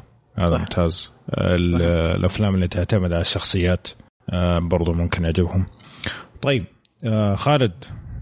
أهلا. انا وسانا رحت آه، سبحت في البير يا رجل. خلصنا الفيلم وانت قاعد. غطست غطسه جامده طيب. أجل خليني أجيك في نهاية الكلام بما إنك إنه في أشياء فقرات آه، ما تكلمت فيها إذا عندك أي شيء تبغى تقوله آه، بالإضافة هل تنصح ولا ما تنصح؟ أوكي. آه، شوف أنا قلت لك أنا ما أدري إذا تكلمت عن النقطة ولا لا بس شوف الحلو في الفيلم عكس الأفلام النفسية الثانية مثلا يقول لي لك مثلا ممثل أو أو مش ممثل طبيب نفسي يح- يحقق مع مجرم لا. يعني هو نفس المجرم هو اللي يعني الطبيب النفسي للشخصية الرئيسية. فهذا يخليك يعني ما تعرف توقف مع منو ولا ولا عادي يعني مثلا تتكلم مع هالمجرم يعني يفصلك تفصيل لدرجة أنت ما تعرف يعني هل تثق بكلامه ولا ولا كيف. يعني أو أو يعني تقول هذا يكذب ولا شو بس المشكلة صحيح. الكلام اللي يقوله يكون منطقي 100% بالنسبة للشخصيات اللي يتكلم معاهم لل... للدوافع اللي هو هو ما تعرف حتى شو دافعه يعني لهالدرجة يعني الجنون اللي فيه كشخصيات كإخراج يعني عندك آه، مثل ما قلت التصوير آه، يعطيك زوايا تخليك بطريقة يعني فيها توتر وخوف خاصة في أواخر الفيلم يعني على آخر الفيلم. إيه. امم يعني أنت ما تعرف شو تستوي يعني شو الأحداث؟ مش ابدا ما فيها تو- توقع. وفي بعض اللقطات اللي تخليك ما تعرف هل الشرطة هم الصح يعني هل هم وصلوا المجرم ولا ما وصلوا؟ يعني في أشياء وايد يعني تفاصيل حلوة من مم. ناحية الإخراج والأشياء. وبس هل يعني بشكل عام الفيلم أكيد أنصح فيه لأني أنا نصحت فيه في النهاية يعني قبل.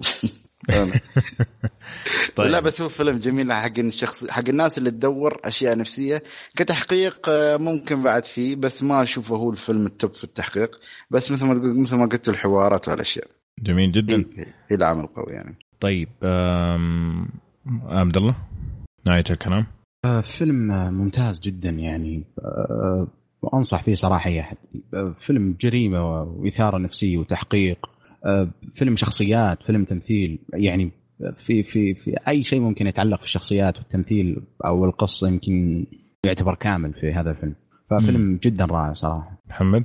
إيه طبعا أنا أنصح فيه و في عناصر كثيرة يعني مستحيل إن الواحد يعني يلقى شيء كذا مشابه لها سواء في التمثيل أو الحوارات آه، يعني تكون في فيلم واحد فأكيد أنصح فيه. حلو. وأنا طبعا أنصح فيه. ومن الأفلام اللي لازم تنشاف اللي لازم لازم تنشاف.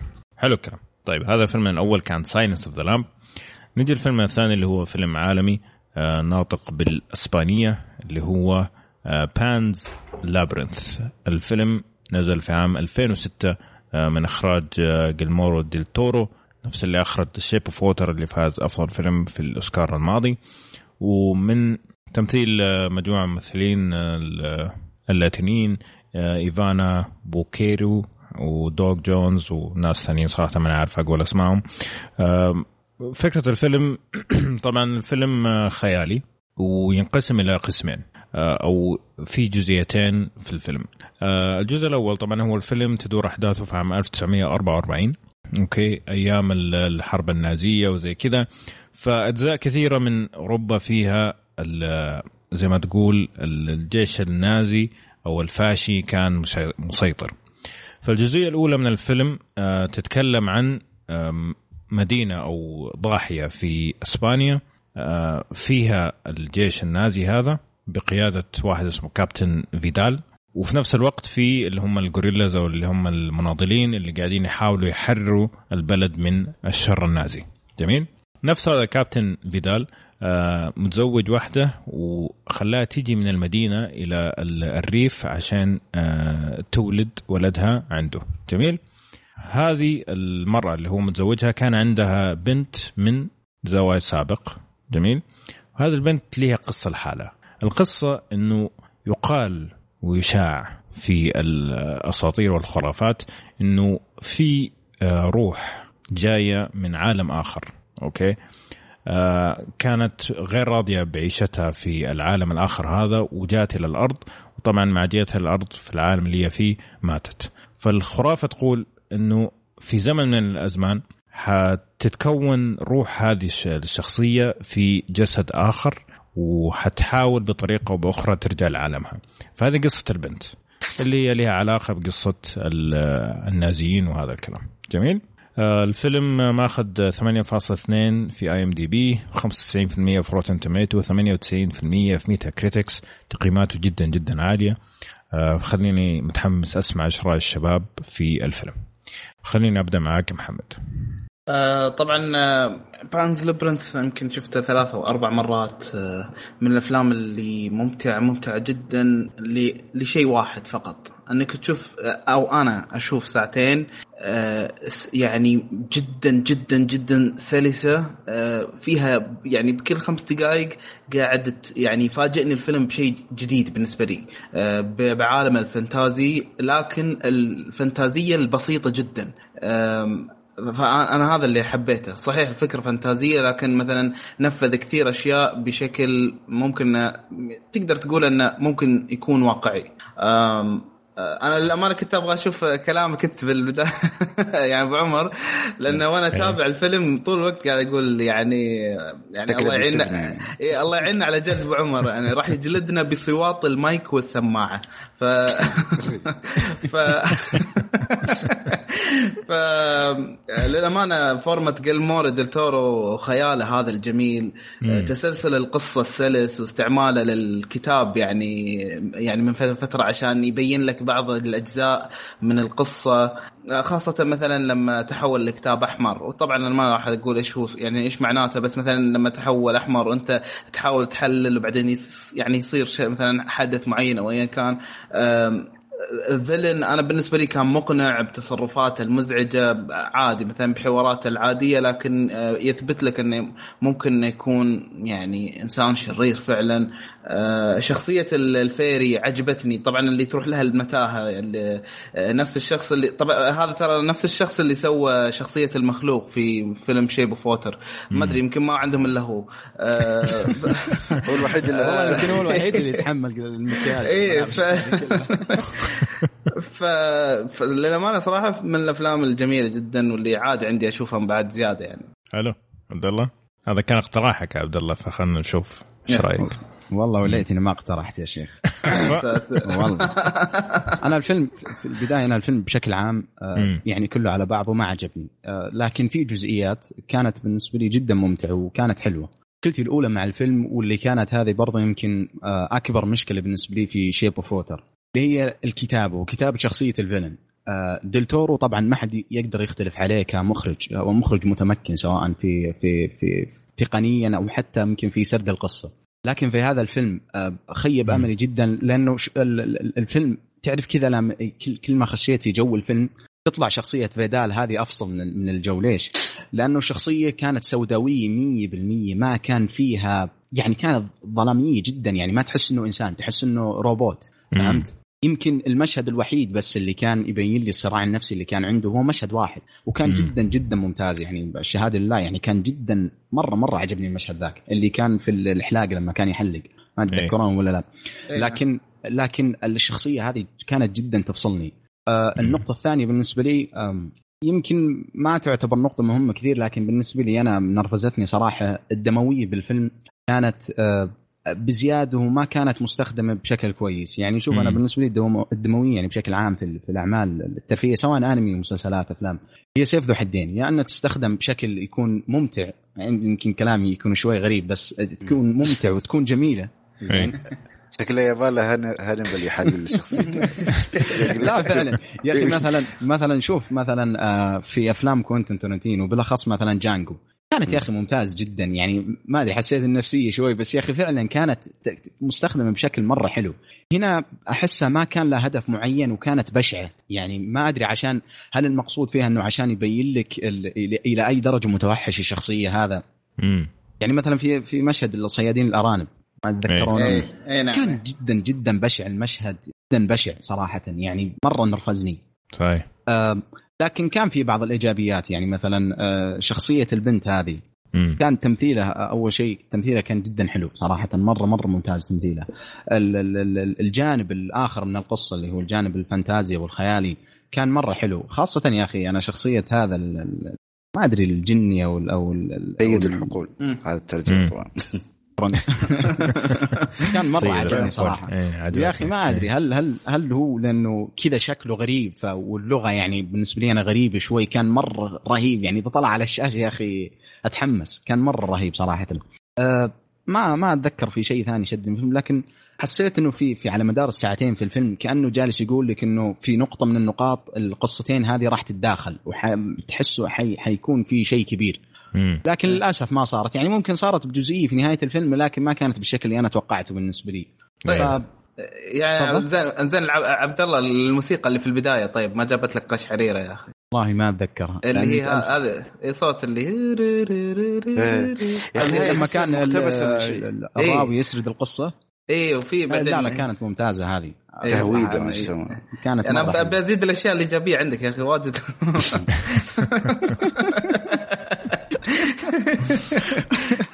بس دوسري بما إنك شكلك عارف عن الفيلم وايد يا أخي هل اللحن هذا يا أخي هل استخدموه قبل بمكان ولا استخدموه لأن أحس في تشابه في لحن ثاني بس ما أعرف وين ما أدري والله أنا بحث. أي بحثت عن هالنقطة بس ما ما لقيتها للأسف يعني. يعني أنا سامعين لما شفت الفيلم متأكد 100% ان سامع هاللحن في مكان بس ما أعرف وين آم، ما أتذكر والله اللحن هذا بس آه، عبد الله في عندك شيء ثاني تبغى ت- سلبيه تزبل في الفيلم زيادة ولا؟ ف- ف- فضفض فضفض يا بعد قلبي فضفض. والله يا أخي من تبغوني أفضفض. طيب عندنا على العموم لما نتكلم في التفاصيل ممكن تدخل زيادة. آه بس عندي طلب بالنهاية إيه، يا أبو عمر. بس. بعد إذنك يا أبو خلود ممكن تروح يا أبو عمر تعطينا رأيك عن الفيلم؟ يعني عشان ما يكون زي بقية الأفلام في النهاية تقول أتفق إيه. معاكم يا شباب وتروح. نبغى تسجيل. أرجوك. آه، والله شوف أنا ما عندي تزبيد حقيقة. الفيلم في البداية بالنسبة لي كان شوية ثقيل. يعني آه، في بدايه يعني أصلا أخذت آه، وقت أكثر من اللازم عشان أخلص الفيلم. آه، اضطريت إني أشوفه على أكثر من جزء. لكن في البداية أنا كنت معك في جزئية ال- المجرم. إنه نفس المشكلة اللي كانت في شيب فوتر إنه هو شخصية سوداوية تماما. لكن شوية يعني نوعا ما حسيت إنه راكب شوية لما تيجي تتكلم عن الوضع النفسي اللي هو فيه.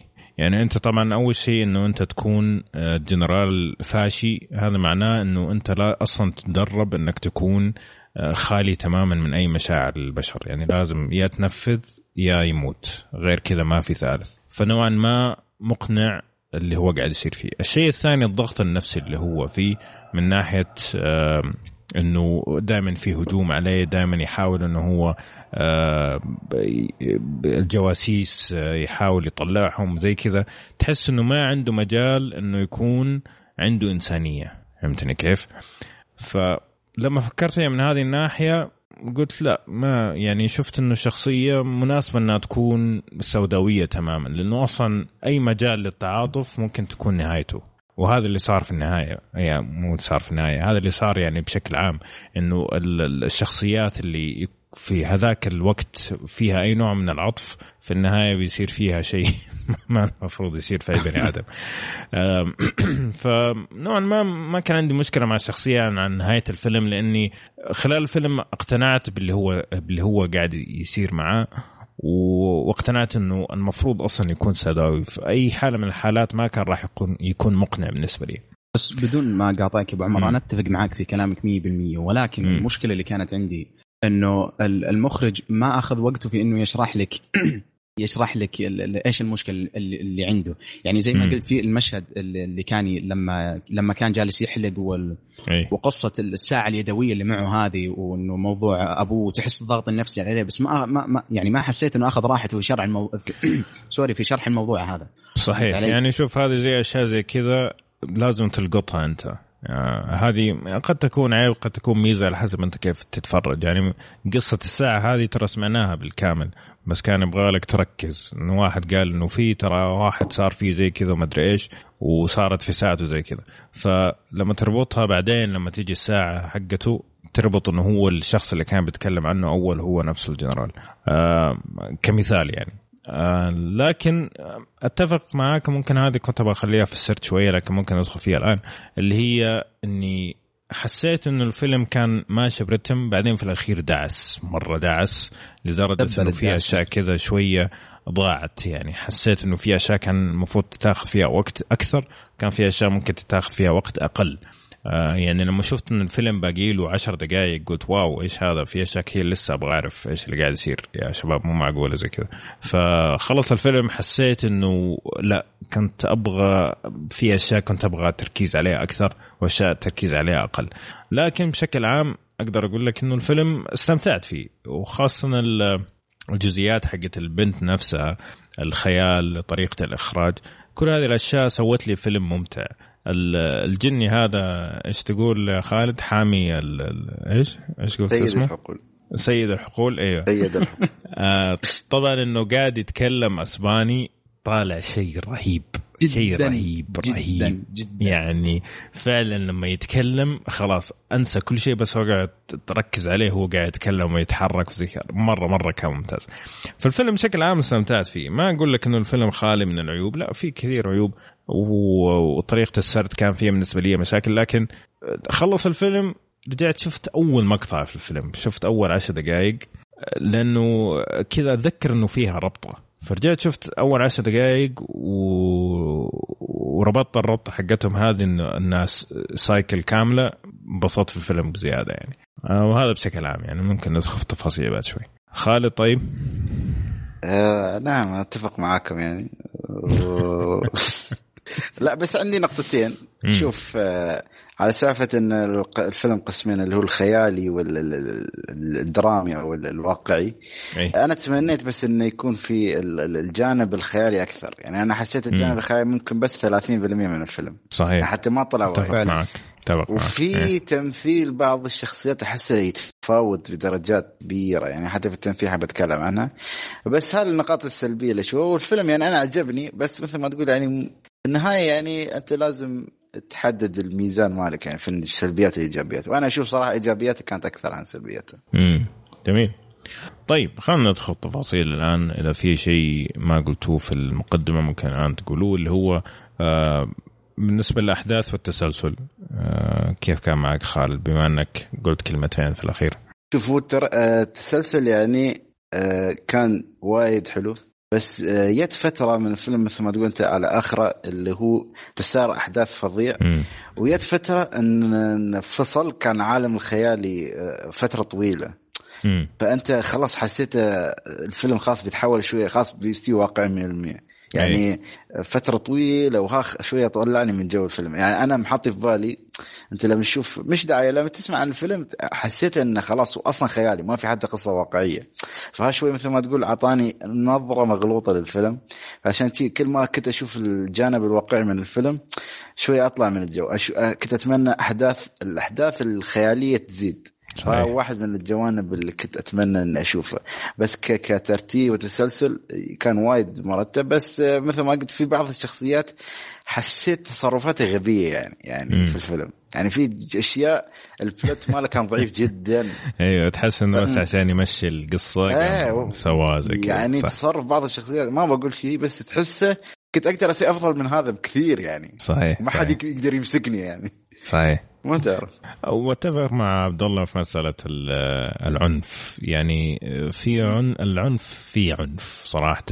من النوع ال- المقزز وفي نفس الوقت مو كثير يخدم القصة. يعني في مشهد ولا مشهدين أوكي العنف فيهم كان مرة شديد.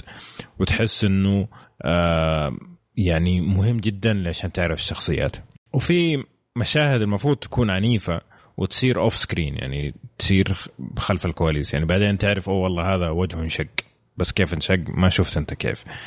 أه، حسيت إنه هذه المشاهد المفروض تنشاف لأنه تزيد من مثلا عمق المشهد نفسه. فالوزنية حقت العنف كانت خرابيط صراحة كانت يعني ما مضبوطة بالنسبة لي. شكرا يا أبو عمر. اي هذا أتفق معك. شوف أنا بس عندي نقطة على سالفة العنف. يا أخي مشكلة أنا كنت أتحسب الفيلم شوية فيه طفو... طفولية شوية بس هالعنف طلعني من لا صدق يعني صحيح. لا أنا معاك. أنا يعني تفاجأت في البداية. يعني أنا حسيت إنه الفيلم موجه يعني للعائلة فتفاجأت لما فقع وجه ذاك قلت يا رجل إيش فيه كويس إني ما شفته مع ولدي. خلى خلى وجهه علبة بيبسي يا رجل. والله بهذل يا شيخ. أنا أخش من كسر وأنا قاعد أتفرج يا رجل. أسلم. طيب آه محمد.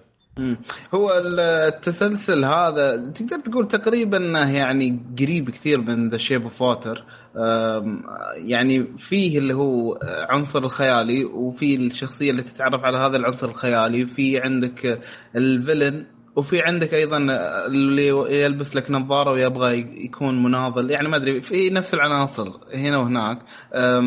وحتى على على مستوى تسلسل الأحداث يعني هو الفيلم نقدر نقول إنه في القصة الرئيسيه اللي هي الفانتازية وفي اللي قصص الواقعية هي يعني اللي تحوط حوله. في أكثر من قصة يعني جانبية لكن هي اللي واقعية. فتداخل هذه القصص الجانبية مع القصة الرئيسية كانت ساعات تعزز للقصة وساعات م. تحسها بس مشتتة. صحيح. آه هذه ممكن من الأشياء اللي كانت تزعجني. آه أيضا من الأشياء اللي كانت تطلعني من ال mood شوي اللي هو ال graphics شوي. يعني آه طبعا مشاكل ال graphics آه، يعني فيلم مو مرة قديم يعني أنت تتكلم 2006 يعني لو قبل التسعينات وكذا بقول okay بس دام 2006 فالمفروض إن ال graphics يكون متقن. مشاكل ال graphics هي وقت كانت بوقت التصوير مش وقت ما كانوا يسوون ال graphics نفسه. يعني تشوف مثلا الشخصية تطالع بجهة وال, وال مثلا الأشياء اللي مسواه بال graphics تكون بجهة ثانية. فما ما يعني هذا عدم الإتقان تحس تطلعك شوي من ال mood. أيوه. آه يا وساعات بسيطة جدا تكون ردات فعل البنت الصغيرة غير مقنعة. مم. يعني لما حصل لها مثلا حدث كبير آه في الفيلم آه تتوقع منها ردة فعل أقوى شوي لكن ماشي. يعني عطت ردة فعل سريعة وبعدين عادي رجعت كأنها عادية جدا. صحيح صحيح. هذه أتفق معك فيها. هذا كان ممكن في التمثيل لكن فعلا هذه يعني البنت بشكل عام تمثيلها كان مرة ممتاز ولكن في ردات فعل كثيرة كانت آه، أقل من المستوى خالد كنت بتقول شيء؟ لا بس كنت أقول على سالفة ال CG يعني عنده هو فيلم أجنبي يعني ما أعرف إذا هل تتوقع منه الشيء ال top خاصة يعني ما اعرف دلتورو ما أدري إذا كانت هاي من أوائل أعماله. كان قبل بو Hellboy ولا بعد؟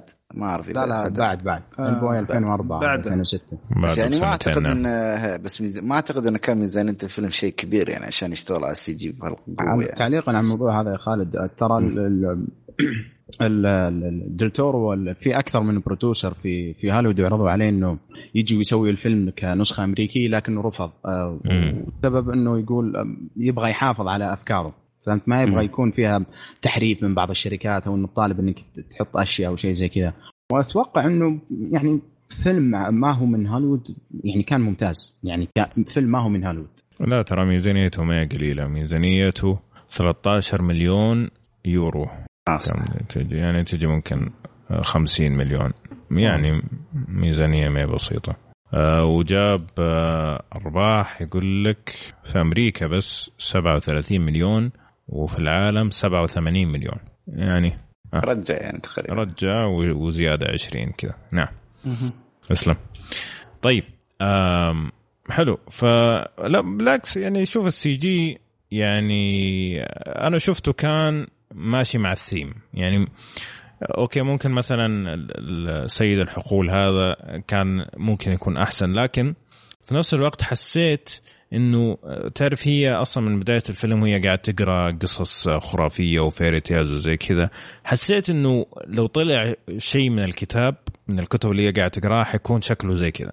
مو بس كتصميم حتى كجودة يعني إنه مو شيء أقرب للواقع لأنه إنه CG كذا تحس إنه CG والأشياء الثانية زي هذاك أبو آه اللي ما عنده عيون هذاك صراحة هذاك إيه. طالع من Resident Evil حقيقة. يعني. أبو يدين.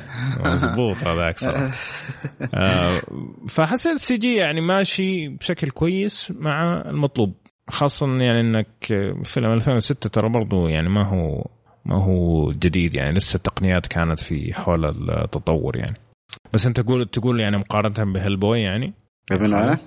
لا كنت أقول يعني لأنه فيلم أجنبي وتعرف هوليوود يعني يدعمون لا بس هل إنه قصدك مقارنة ب Hellboy جودة ال CG أقل يعني قصدك؟ إيه أنا أحس يعني Hellboy كان أفضل يعني بمراحل امم بس ممكن. ال CG أصلا بس على فكرة يعني ال CG في الفيلم مش وايد يمكن كم لقطة يعني أنا أنا ما أعرف هو أصلا CG ولا مكياج والله ما فعلا لا ال ال. ال. ال الشخصية سيد حقول مكياج بس أنا قصدي مكياج، إيه. في أحداث يعني البدايات القصة الخيالية اللي سوتها هي في كان كم شخصية وكم مخلوق كانوا يبين آه CG okay يبين. okay لو أوكي فهمت علي يعني إيه. فهمت إيش قصدك جميل طيب أتوقع تكلمنا التمثيل بشكل عام بس في شيء تبغوا تزيدوه؟ آه، أتوقع شوف. أغلبهم كانوا يعني أدوا الدور. ما في أحد كان ضعيف مرة ولا؟ بس في- أنا عندي شخصية اللي هي الخادمة.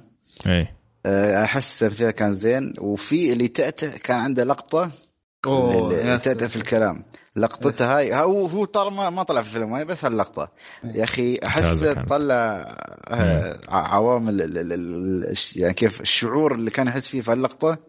حسيت طلع بطريقه جبارة. وفي آه، على طاري البنت يا أخي أول 20 دقيقة ما في reaction zero يعني هذا لو سيد الحقول طلع لي والله العظيم إني بشهد ولا موقف. شافته كنها تشوف واحد من ربعها من 20 سنة. بيطلع لك هناك بالدوام مالك؟ لا انه يا أخي ما في رياكشن يا أخي مخلوق صحيح. غريب يعني مش بني آدم أول مرة تشوفه يطلع لك بهالطريقه يا أخي والله إني استغربت أنا بعدين شوف بعد من بعد هاللقطة.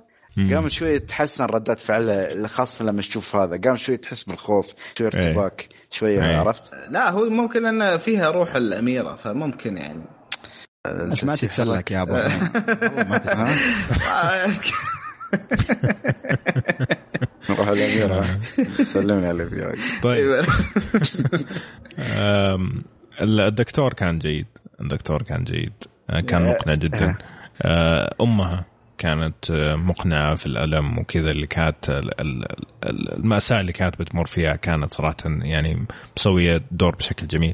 يعني ما كان في أحد ضعيف. يعني ما كان في أحد كذا يخرجك من الجو ممكن بالنسبة لك يا عبد الله اللي هو ال- الكابتن لكن ما- المشكلة أي. إنه يعني عشان ما نظلم الممثل ما كانت أي. مشكلة تمثيل يعني هي كان كتابة نفس أكثر. نعم أي. نفس مشكلة مايكل شانن في Shape of Water طبعا مايكل شانن ممثل متمكن ما حد يختلف لكن أي. كانت المشكلة مشكلة كتابة الشخصية أيوه حلو طيب في أحد يبغى يضيف شيء على التمثيل؟ بس كنت ابى ارجع شيء على إيه. طاري الأحداث في النهايه هل أنتم شفتوا نهاية مختلفة ولا يعني هل قدرت تستنتجون نهاية ثانية غير اللي راونا إياها ولا؟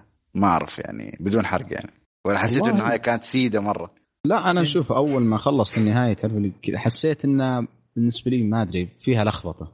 أنا ما وقفت ثاني بعدين فكرت وشغلت مخي شوي بالعكس حسيتها ممتازة. يعني أي. أنا يمكن آه، يمكن أكبر نقطة عجبتني يمكن آه، هي النهاية. شفت الفيلم لما لما دبل الدعسه وزاد التسارع الأحداث؟ أنا من هنا أنا من هنا بدا الفيلم بالنسبة لي صراحة يعني. لا بس لأن شو. أقول لك هالكلام؟ لأن في لقطة قبل النهاية بشوية خلتني أفكر في شيء ثاني. عرفت؟ بس ما بحرق بتكلم وياكم بعد التسجيل عشان إيه بتفهموا علي أكثر. بس أنا حسيت إن أنا شفت نهاية أو أو خليت في تصور نهاية ثانية عشان شي عجبني الفيلم أكثر. إذا كان هالتصور هو اللي أنا هو المخرج كان يبغيه بهالطريقة يعني. طبعا ما حد عارف فيكم ما, ما حنعرف بس- طبعا بس بقول لكم يعني. ما طيب. بعدين في الحلقة الجاية قولوا إذا كلامي صح. سبوني. طيب. إن شاء الله إن شاء الله. حلو. طيب الإخراج والصوتيات. ديل تورو طبعا آه، كلنا نتفق إنه متمكن صراحة وشغله في في ربط الإخراج بال بال ال- القصة نفسها شفناه في Trollhunters حتى وشفناه في الأفلام الثانية لكن كيف كان بالنسبة لكم بشكل عام محمد؟ يعني هو على يعني عندك اللي هو تقنيا ما عدا ال graphics باقي الأشياء كان ممتاز. يعني عندك التصوير كان أنا بالنسبة لي كان جدا جميل جدا جدا جدا جميل. يعني عندك آه، لما يكونون خاصة داخل مثلا بيت ولا داخل مستودع ولا ايا كان آه، دائما دائما معظم اللقطات تكون إضاءة طبيعية. آه، تشوف دائما البيوت مثلا عندهم اختيار معين للشكل اللي يدخل فيه الإضاءة. فتشوف مثلا بعض بعضهم بس دوائر بعضهم بس مربعات آه، تعطي جو لكل مكان. في بعضهم يعطي جو الهيبة وفي بعضهم يعطي جو إنه المفروض إنه رخاء ومكان المفروض إنك يعني تهدي فيه. فكلها يعني كلها اختيارات آه، يعني دلتورو لها هدف. مو بس إنه تعال وزع إضاءة بس عشان إنه يعني تعال خلينا نصور مشهد. آه وبعد الموسيقى اللي هي الموسيقى الرئيسية طبعا آه كانت جدا جميلة. يعني. جميل. عبد الله؟ آه، يمكن الإخراج بالنسبة لي قصصيا ما كان ذاك يعني ما كان ذاك الزود صراحة. لكن من ناحية تقنية زي ما قال أبو حميد ال graphics آه، يعني قديم شوي ترى الفيلم. ومع هذا يعني تحس ما له عذر. يعني ذيك الفترة كان في أفلام كثيرة احسن منه في في في ال graphics لكن النقطة الأهم بالنسبة لي كانت هي ال cinematography يعني خاصة مشاهد لما يكون الجنرال لحاله في مكتبه. يعني كان مرة الإضاءة فيها كانت جدا جدا ممتازة. يعني من أجمل الأشياء في الفيلم. يعني وبالنهاية الفيلم فاز ترى على فكرة فاز ك كإخراج وك cinematography فاز صحيح. فاز بالأوسكار. فبدع في هذه الناحية صراحة. ويمكن ال ال يا أخي تصميم شخصية الجني هذه جدا ممتاز. رهيبة رهيبة فعلا. رهيبة يعني مرة. أنا ما أدري إذا كان دلتورو هو اللي مصممها إيش سويت يا رجل في Shape of Water على السمك الخايس هذاك ف... okay. يعني بشكل عام الإخراج عجبني ما عدا في مسألة الإخراج القصصي خلينا نقول. أوكي. خالد؟ لا أنا أتفق معكم بس في عندي نقطتين اللي هم كيف تتفق معنا؟ لا جاك رايين مختلفين يعني كيف؟ دقيقة أتفق معاكم من ناحية الإخراج يعني هو لا يعلى عليه بس شوف آه أنا أتكلم عن في عندك مثلا الالحان اللحن اللي تكلمنا عنه بداية هذا اللي نحن عالق في مخي ترى للحين قاعد. في عندك ترى بداية ما تكلمنا وأنتم تذكروا تذكروا. زين. استخدم شزام يا أخي تعرف شزام؟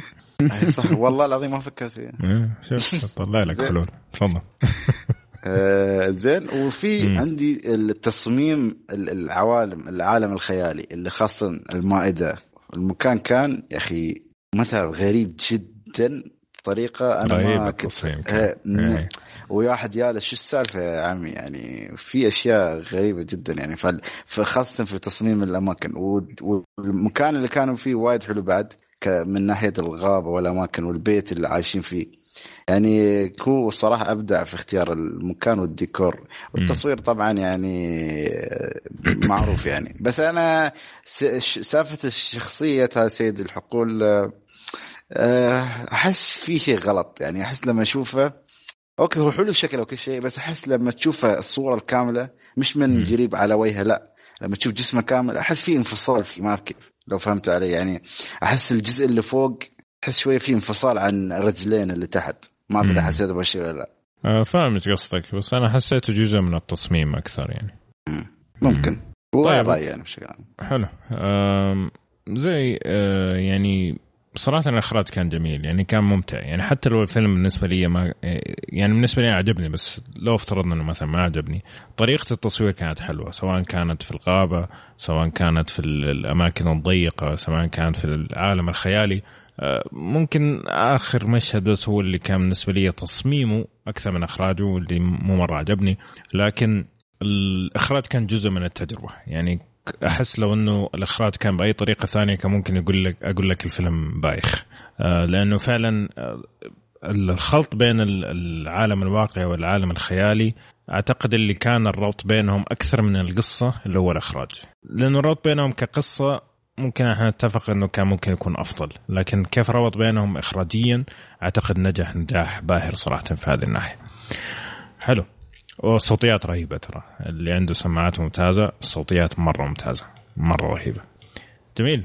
طيب قبل ما نوصل لنهاية الكلام خلينا نجاوب على الاسئله المعتاده هل الفيلم فيه تعري؟ ما أعتقد صح؟ لا ما أعتقد. لا لا ما. آه في بداية كلام بسيطة بس حتى بالأسباني يعني بس ما مو مو كثير يعني. إيه، لو كنت تبرو إيه. فالاسبانيين لا شوف إيه. ينفع المشاهدة العائلية؟ الجماعية قصدي؟ جماعية ممكن بس عائلية شوف ابدا ما يصلح يعني العنف اللي فيها إيه. ما ينفع. والله أنا صراحة ما انصح حتى أشوف الجماعية. يعني إن أقول لو تشوف بروحك له جو خاص يعني. ممكن أتفق معك خالد. أحس إنه الفيلم مو من الأفلام اللي ممكن يتجمع عليه مجموعة ويتفرجوا عليه يعني. خاصة إنه بلغة أجنبية وفي خيال وكذا. يعني أشوف أحس الفيلم يعطيك انطباع وبعدين يصدمك بانطباع آخر يعني. فلازم إذا حتتفرج مع ناس إنك توضح لهم الصورة. إنه ترى الفيلم ممكن يختلف تماما عن الفكرة البدائية اللي حتشوفها في بداية الفيلم يعني. هذه نقطة مهمة جدا فعلا يعني آه، يمكن ما ما أقدر أنصح في مثلا أحد أروح له أقول له ها روح شوف الفيلم إلا إذا. أعرف إذا أعرف ذوقه امم أو أنك مثلا تخلي السي دي حق الفيلم كذا بين السيديات وتخليهم يختارون كأنك مو انت اللي حاطه فممكن إيه. هذا الشيء الثاني تحطي ثلاثة Pan's Labyrinth إيه. اختار واحد إيه،. طيب مين ممكن يعجب الفيلم؟ آه، عشاق دل تورو أتوقع حينبسطوا ممكن. الفيلم إيه، قليل هم بس يعني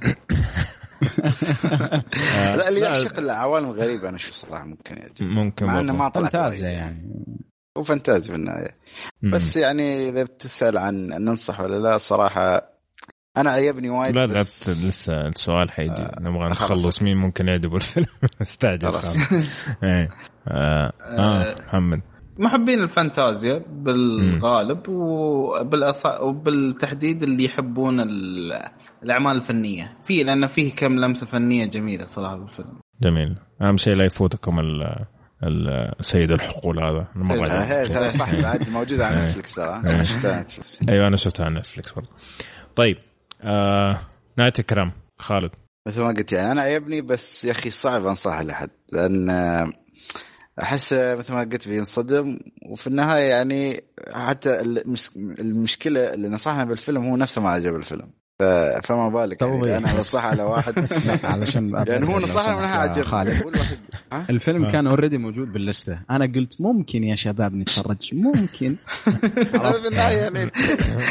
كل واحد تحمل تحمل آه، هذا ترى- حركة السي دي يعني نفعت أنا أنا حطيته وأنت اللي okay في النهاية ما في أكثر يا أبو. عمر ما دامكم حتمشون على رأي إيش رأيك الحلقة الجاية يكون فيلم السينما The Equalizer 2 لا بس شوف أنت خلاص كان. اختيارك سيء فما ما راح هو شكله هو فيه شوف. لا دقيقة لحظة. أنت ما دامك جبت سيرة ال Equalizer خلينا نوقف هنا شوية. نضرب بريك آه نضرب break شوف إذا نزل عندنا في السينما واتفقتوا إنكم تبغوا تشوفوه حروحوا شوفوا بس تحملوا الكلام اللي تشوف. يعني بس أبغى أنبه. اي أسلم خالد. لا أقول شكله يبغى لنا حلقة دينزل واشنطن في تلميحات وايد استوت يعني صراحة في طيب. شفت أعمال دينزل واشنطن طبعا اللي بي- بينسق الحلقة هو عبد يا عمي top 7 خلاص. وراح نغرز بعد وش top 2 لا لا مو. للدرجة. Training Day وواحد فيلم كمان وخلاص. طيب. طيب. أيوه. محمد نهاية الكلام أم، على إيش إيش اللي هو أنصح نهاية في الفيلم الكلام ولا لا؟ صحيح أنا شخصيا يعني اذا إذا عجبك شيء أبو فوتر إي أقدر أنصحك واقول لك روح شوفه لأن هذا أنا بالنسبة لي أعتبره أجمل منه قد يكون أجمل أفلام ديل تورو يعني عبد الله أنت ما تنصح واضح يعني لا مش مو لدرجة إني ما أنصح يعني آه. الفيلم قابل للمشاهدة ويعني لكن أنا المشكلة ب- خلني أقول كلامي واللي يفهم يعني إنه هل يشوف هل الفيلم ينفع له ولا لا الفيلم أوكي. فيه جزئيتين جزئية. الفانتازيا واللي أعتقد إنها يمكن كانت أرهب شيء بالفيلم يمكن نتفق كلنا على هذه ولا لا صحيح وكانت في الجزئية الثانية بالنسبة لي اللي هي اللي كانت مخربة على الجزئية الثانية اللي هي جزئية الثوار وما الثوار. فاللي يحبون أفلام الفانتازيا أنا أشوف لازم يتشاف الفيلم هذا. يعني إذا كان الواحد يحب الفانتازيا لكن إذا ما كان الواحد يعني يتابع يبغى يشوف أي فيلم يعني بشكل عام يستمتع فيه لا طبعا ما أنصح. هي بس أقول لك يعني بس مشكلة في الفيلم جرعة الفانتازيا كانت يعني وصحيح عشان كذا أقول. لك آه، عشان كذا أقول لك يا خالد اللي يحبون الفانتازيا يعني ممكن يتحمل الجزئية الثانية مساله الثوار وكذا لكن في النهاية جزئية الفانتازيا ترى في وقت من الأوقات كانت هي اللي تقريبا هي القصة الرئيسية في الفيلم مم. يعني آه، لما كانت تقريبا كل خمس دقائق زي كذا بسبع دقائق يطلع شخصية الجني الرهيب هذا ف يعني اللي يحبون الفانتازيا نشوف لازم يتفرج عليه لكن أي أحد ثاني أرجوك لا تتفرج لا يعني بس هي بس بالنسبة يعني كالذوق العام يا أخي صعب أنصح يعني أنا لو واحد يقول يعني. لي مثلا شوف Avengers يعني مثلا بس صح مثلا يقول شوف Avengers شوف Training Day مثلا مثلا شوف مثلا آه، طبعا أي أحد يشوف لا Godfather. ها ما بقول لك شوف Pan's Labyrinth يعني ما أعتقد. الشريحة المستهدفة في الفيلم ما عندنا هذا اللي أقول أتفق. معك صراحة مم. ما أي أحد يعني يبغى يشوف فيلم عادي لا ما انصح لا إحنا يعني وضحنا إيش الفيلم فكرته فيعني بالنسبة لهذه الأشياء اللي تكلمنا عنها هل أنصح بالفيلم؟ أنا أنصح بالفيلم يعني أنا استمتعت بالفيلم بشكل عام أوكي في عيوب في أشياء كنت أتمنى أنهم يزيدوا فيها في في أشياء كذا مثلا كانت أقل من المستوى لكن بشكل عام الفيلم بالنسبة لي كان ممتع يعني انتهى الفيلم واستمتعت فيه وحتى رجعت عدت بدايته شوية عشان أركز على بعض الأشياء. فمن ناحية ال- ال category أو الفئة هذه من الأفلام أم، ما حقول لك يعني فيلم لازم ينشاف أسطوري مثلا زي عندك Godfather Silence of the هذه أفلام لازم تنشاف مهما كان ذوقك. لكن من ناحية الفئة حقت الفانتازيا والأفلام هذه هذا النوع من الأفلام لا أنا أنصح حقيقة. أنا أشوف إنه الفيلم ينشاف وفي أشياء ممكن ما تعجبك لكن في نهاية الفيلم أتوقع إنه حتستمتع فيه بشكل عام يعني. آه وهذا رأيي طبعا الشخصي. نختلف من رأي الآخر. فإذا أنت شفت الفيلم يا شباب المستمعين الكرام أعطونا إيش رأيكم في أي صف أنتم في صف خالد وعبد الله ولا في صفي أنا ومحمد. خلينا نشوف نسوي civil war كذا صغيرة عندنا.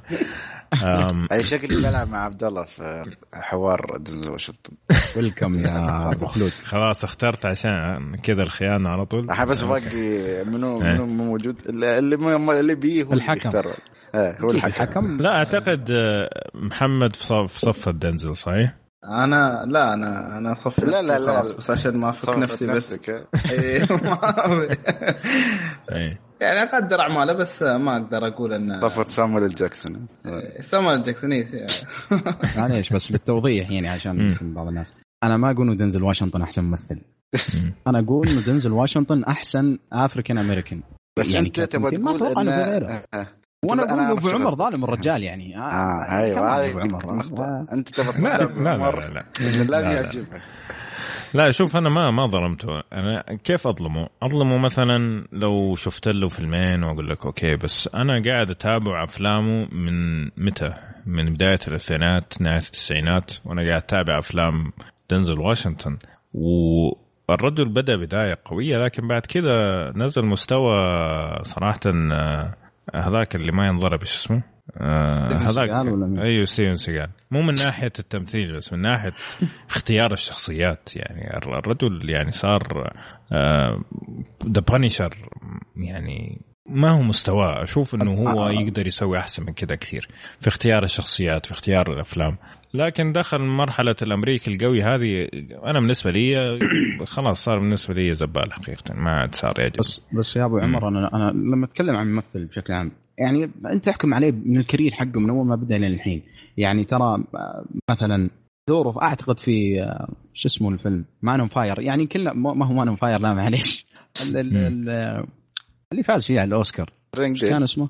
Training Day إيه. أعتقد ما نقدر نختلف عليه. كان ممتاز أوكي. وكان طيب يا أخي يا أبو عمر الرجل عنده أفلام ثانية. يعني مثلا شايف ذا Hurricane شايف مالكوم إكس؟ آه،. يعني أنت أنا أتفق معاك إنه وهذه للأسف فخ كثير من الممثلين يطيحون فيه لما يكون الممثل يبدع في كم فيلم يخش في في مزبلة وما يطلع منها إلا يمكن بصعوبة واحيانا ما يطلع ال career حقه يروح. أي. لكن لما أتكلم عن career ه بشكل ك- بشكل عام يا أبو عمر الرجل ك career بس قليل ترى. ممتاز. قليل قليل. يعني من أفلامه قليلة لأفلام تقول wow ودنزل فيها wow. أنا تيجي أتفق تشوف. مثلا كافلام Bone Collector كان تمثيله عادي مرة. أي أحد كان ممكن يجي يسوي نفس الشيء وأحسن مثلا. كمثال يعني شيء كذا من راسي. قاعد أتذكر إيش أفلامه ال- ال- ال- ال- القمام اللي قاعد تتفرج. عندك Man on Fire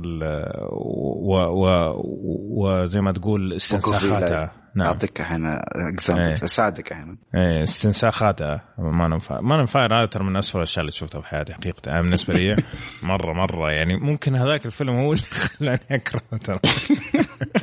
والله ممكن يا ف عنده إمكانيات لكن زي مثلا لما تيجي فرقة تسوي ألبوم ممتاز وبعدين تقعد تسوي لك أغاني زبالة. مستحيل إني أروح أتفرج عليهم live ولا أروح أشتري خلاص أنا حتشوف أسمع هذاك الفيلم أسمع هذاك الألبوم وباقي مزبلتك كمل أنت مزبلتك ما دخل. فأنا هذه مشكلتي مع دنزل إنه هو يعني كان واعد جدا ودخل بقصص وأشياء تحس إنها يعني مختلفة وليها هدف. بعدين خلاص ما في ولا شيء. إيش في؟ فين دنزل؟ والله قاعد أسوي زبالة ثانية هذا اللي هذا اللي بشوف. لكن آه ممكن آه يعني أنا صراحة في بالي إنه نتكلم عن تريننج داي الحلقة الجاية أو اللي بعدها.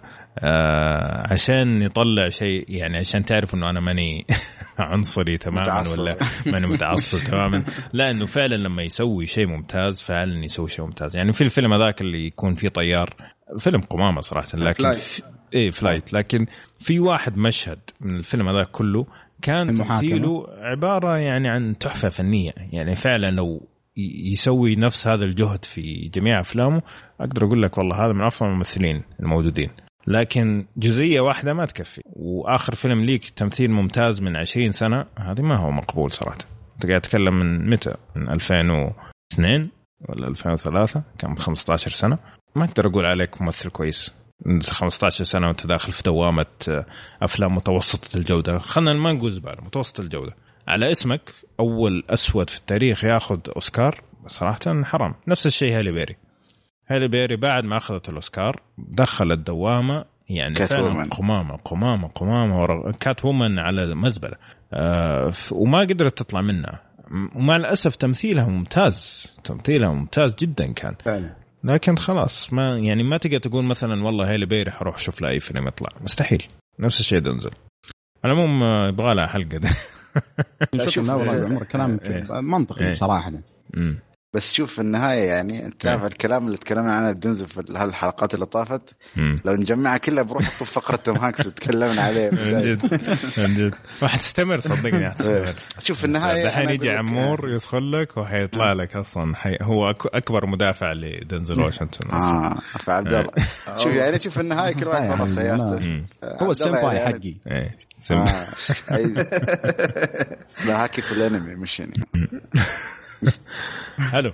طيب آه فيلمنا الثاني كان آه Pan's Labyrinth الفيلم اللي تكلمنا عنه Silence of the Lamb كذا نكون وصلنا نهاية حلقتنا. إن شاء الله زي ما قلنا إذا مدانا آه نلاقي تذاكر راح نتكلم عن Mission Impossible الحلقة القادمة. فإذا مداكم تشوفوه شوفوه معنا عشان آه تشاركونا بارائكم وكذا نكون وصلنا لنهاية الحلقة. أتمنى تكونوا استمتعتوا معنا اليوم. ناس تعطونا تعليقاتكم على الموقع فيسبوك وتويتر. واعطونا تقييماتكم لنا على صفحتنا في آيتونز. هذا يساعدنا كثير على انتشار كمان لا تتابعونا على يوتيوب. وعندنا أشياء جميلة هناك إن شاء الله راح تنزل خلال الأسبوعين القادمة. ونشوفكم إن شاء الله الحلقة القادمة على ألف ألف خير.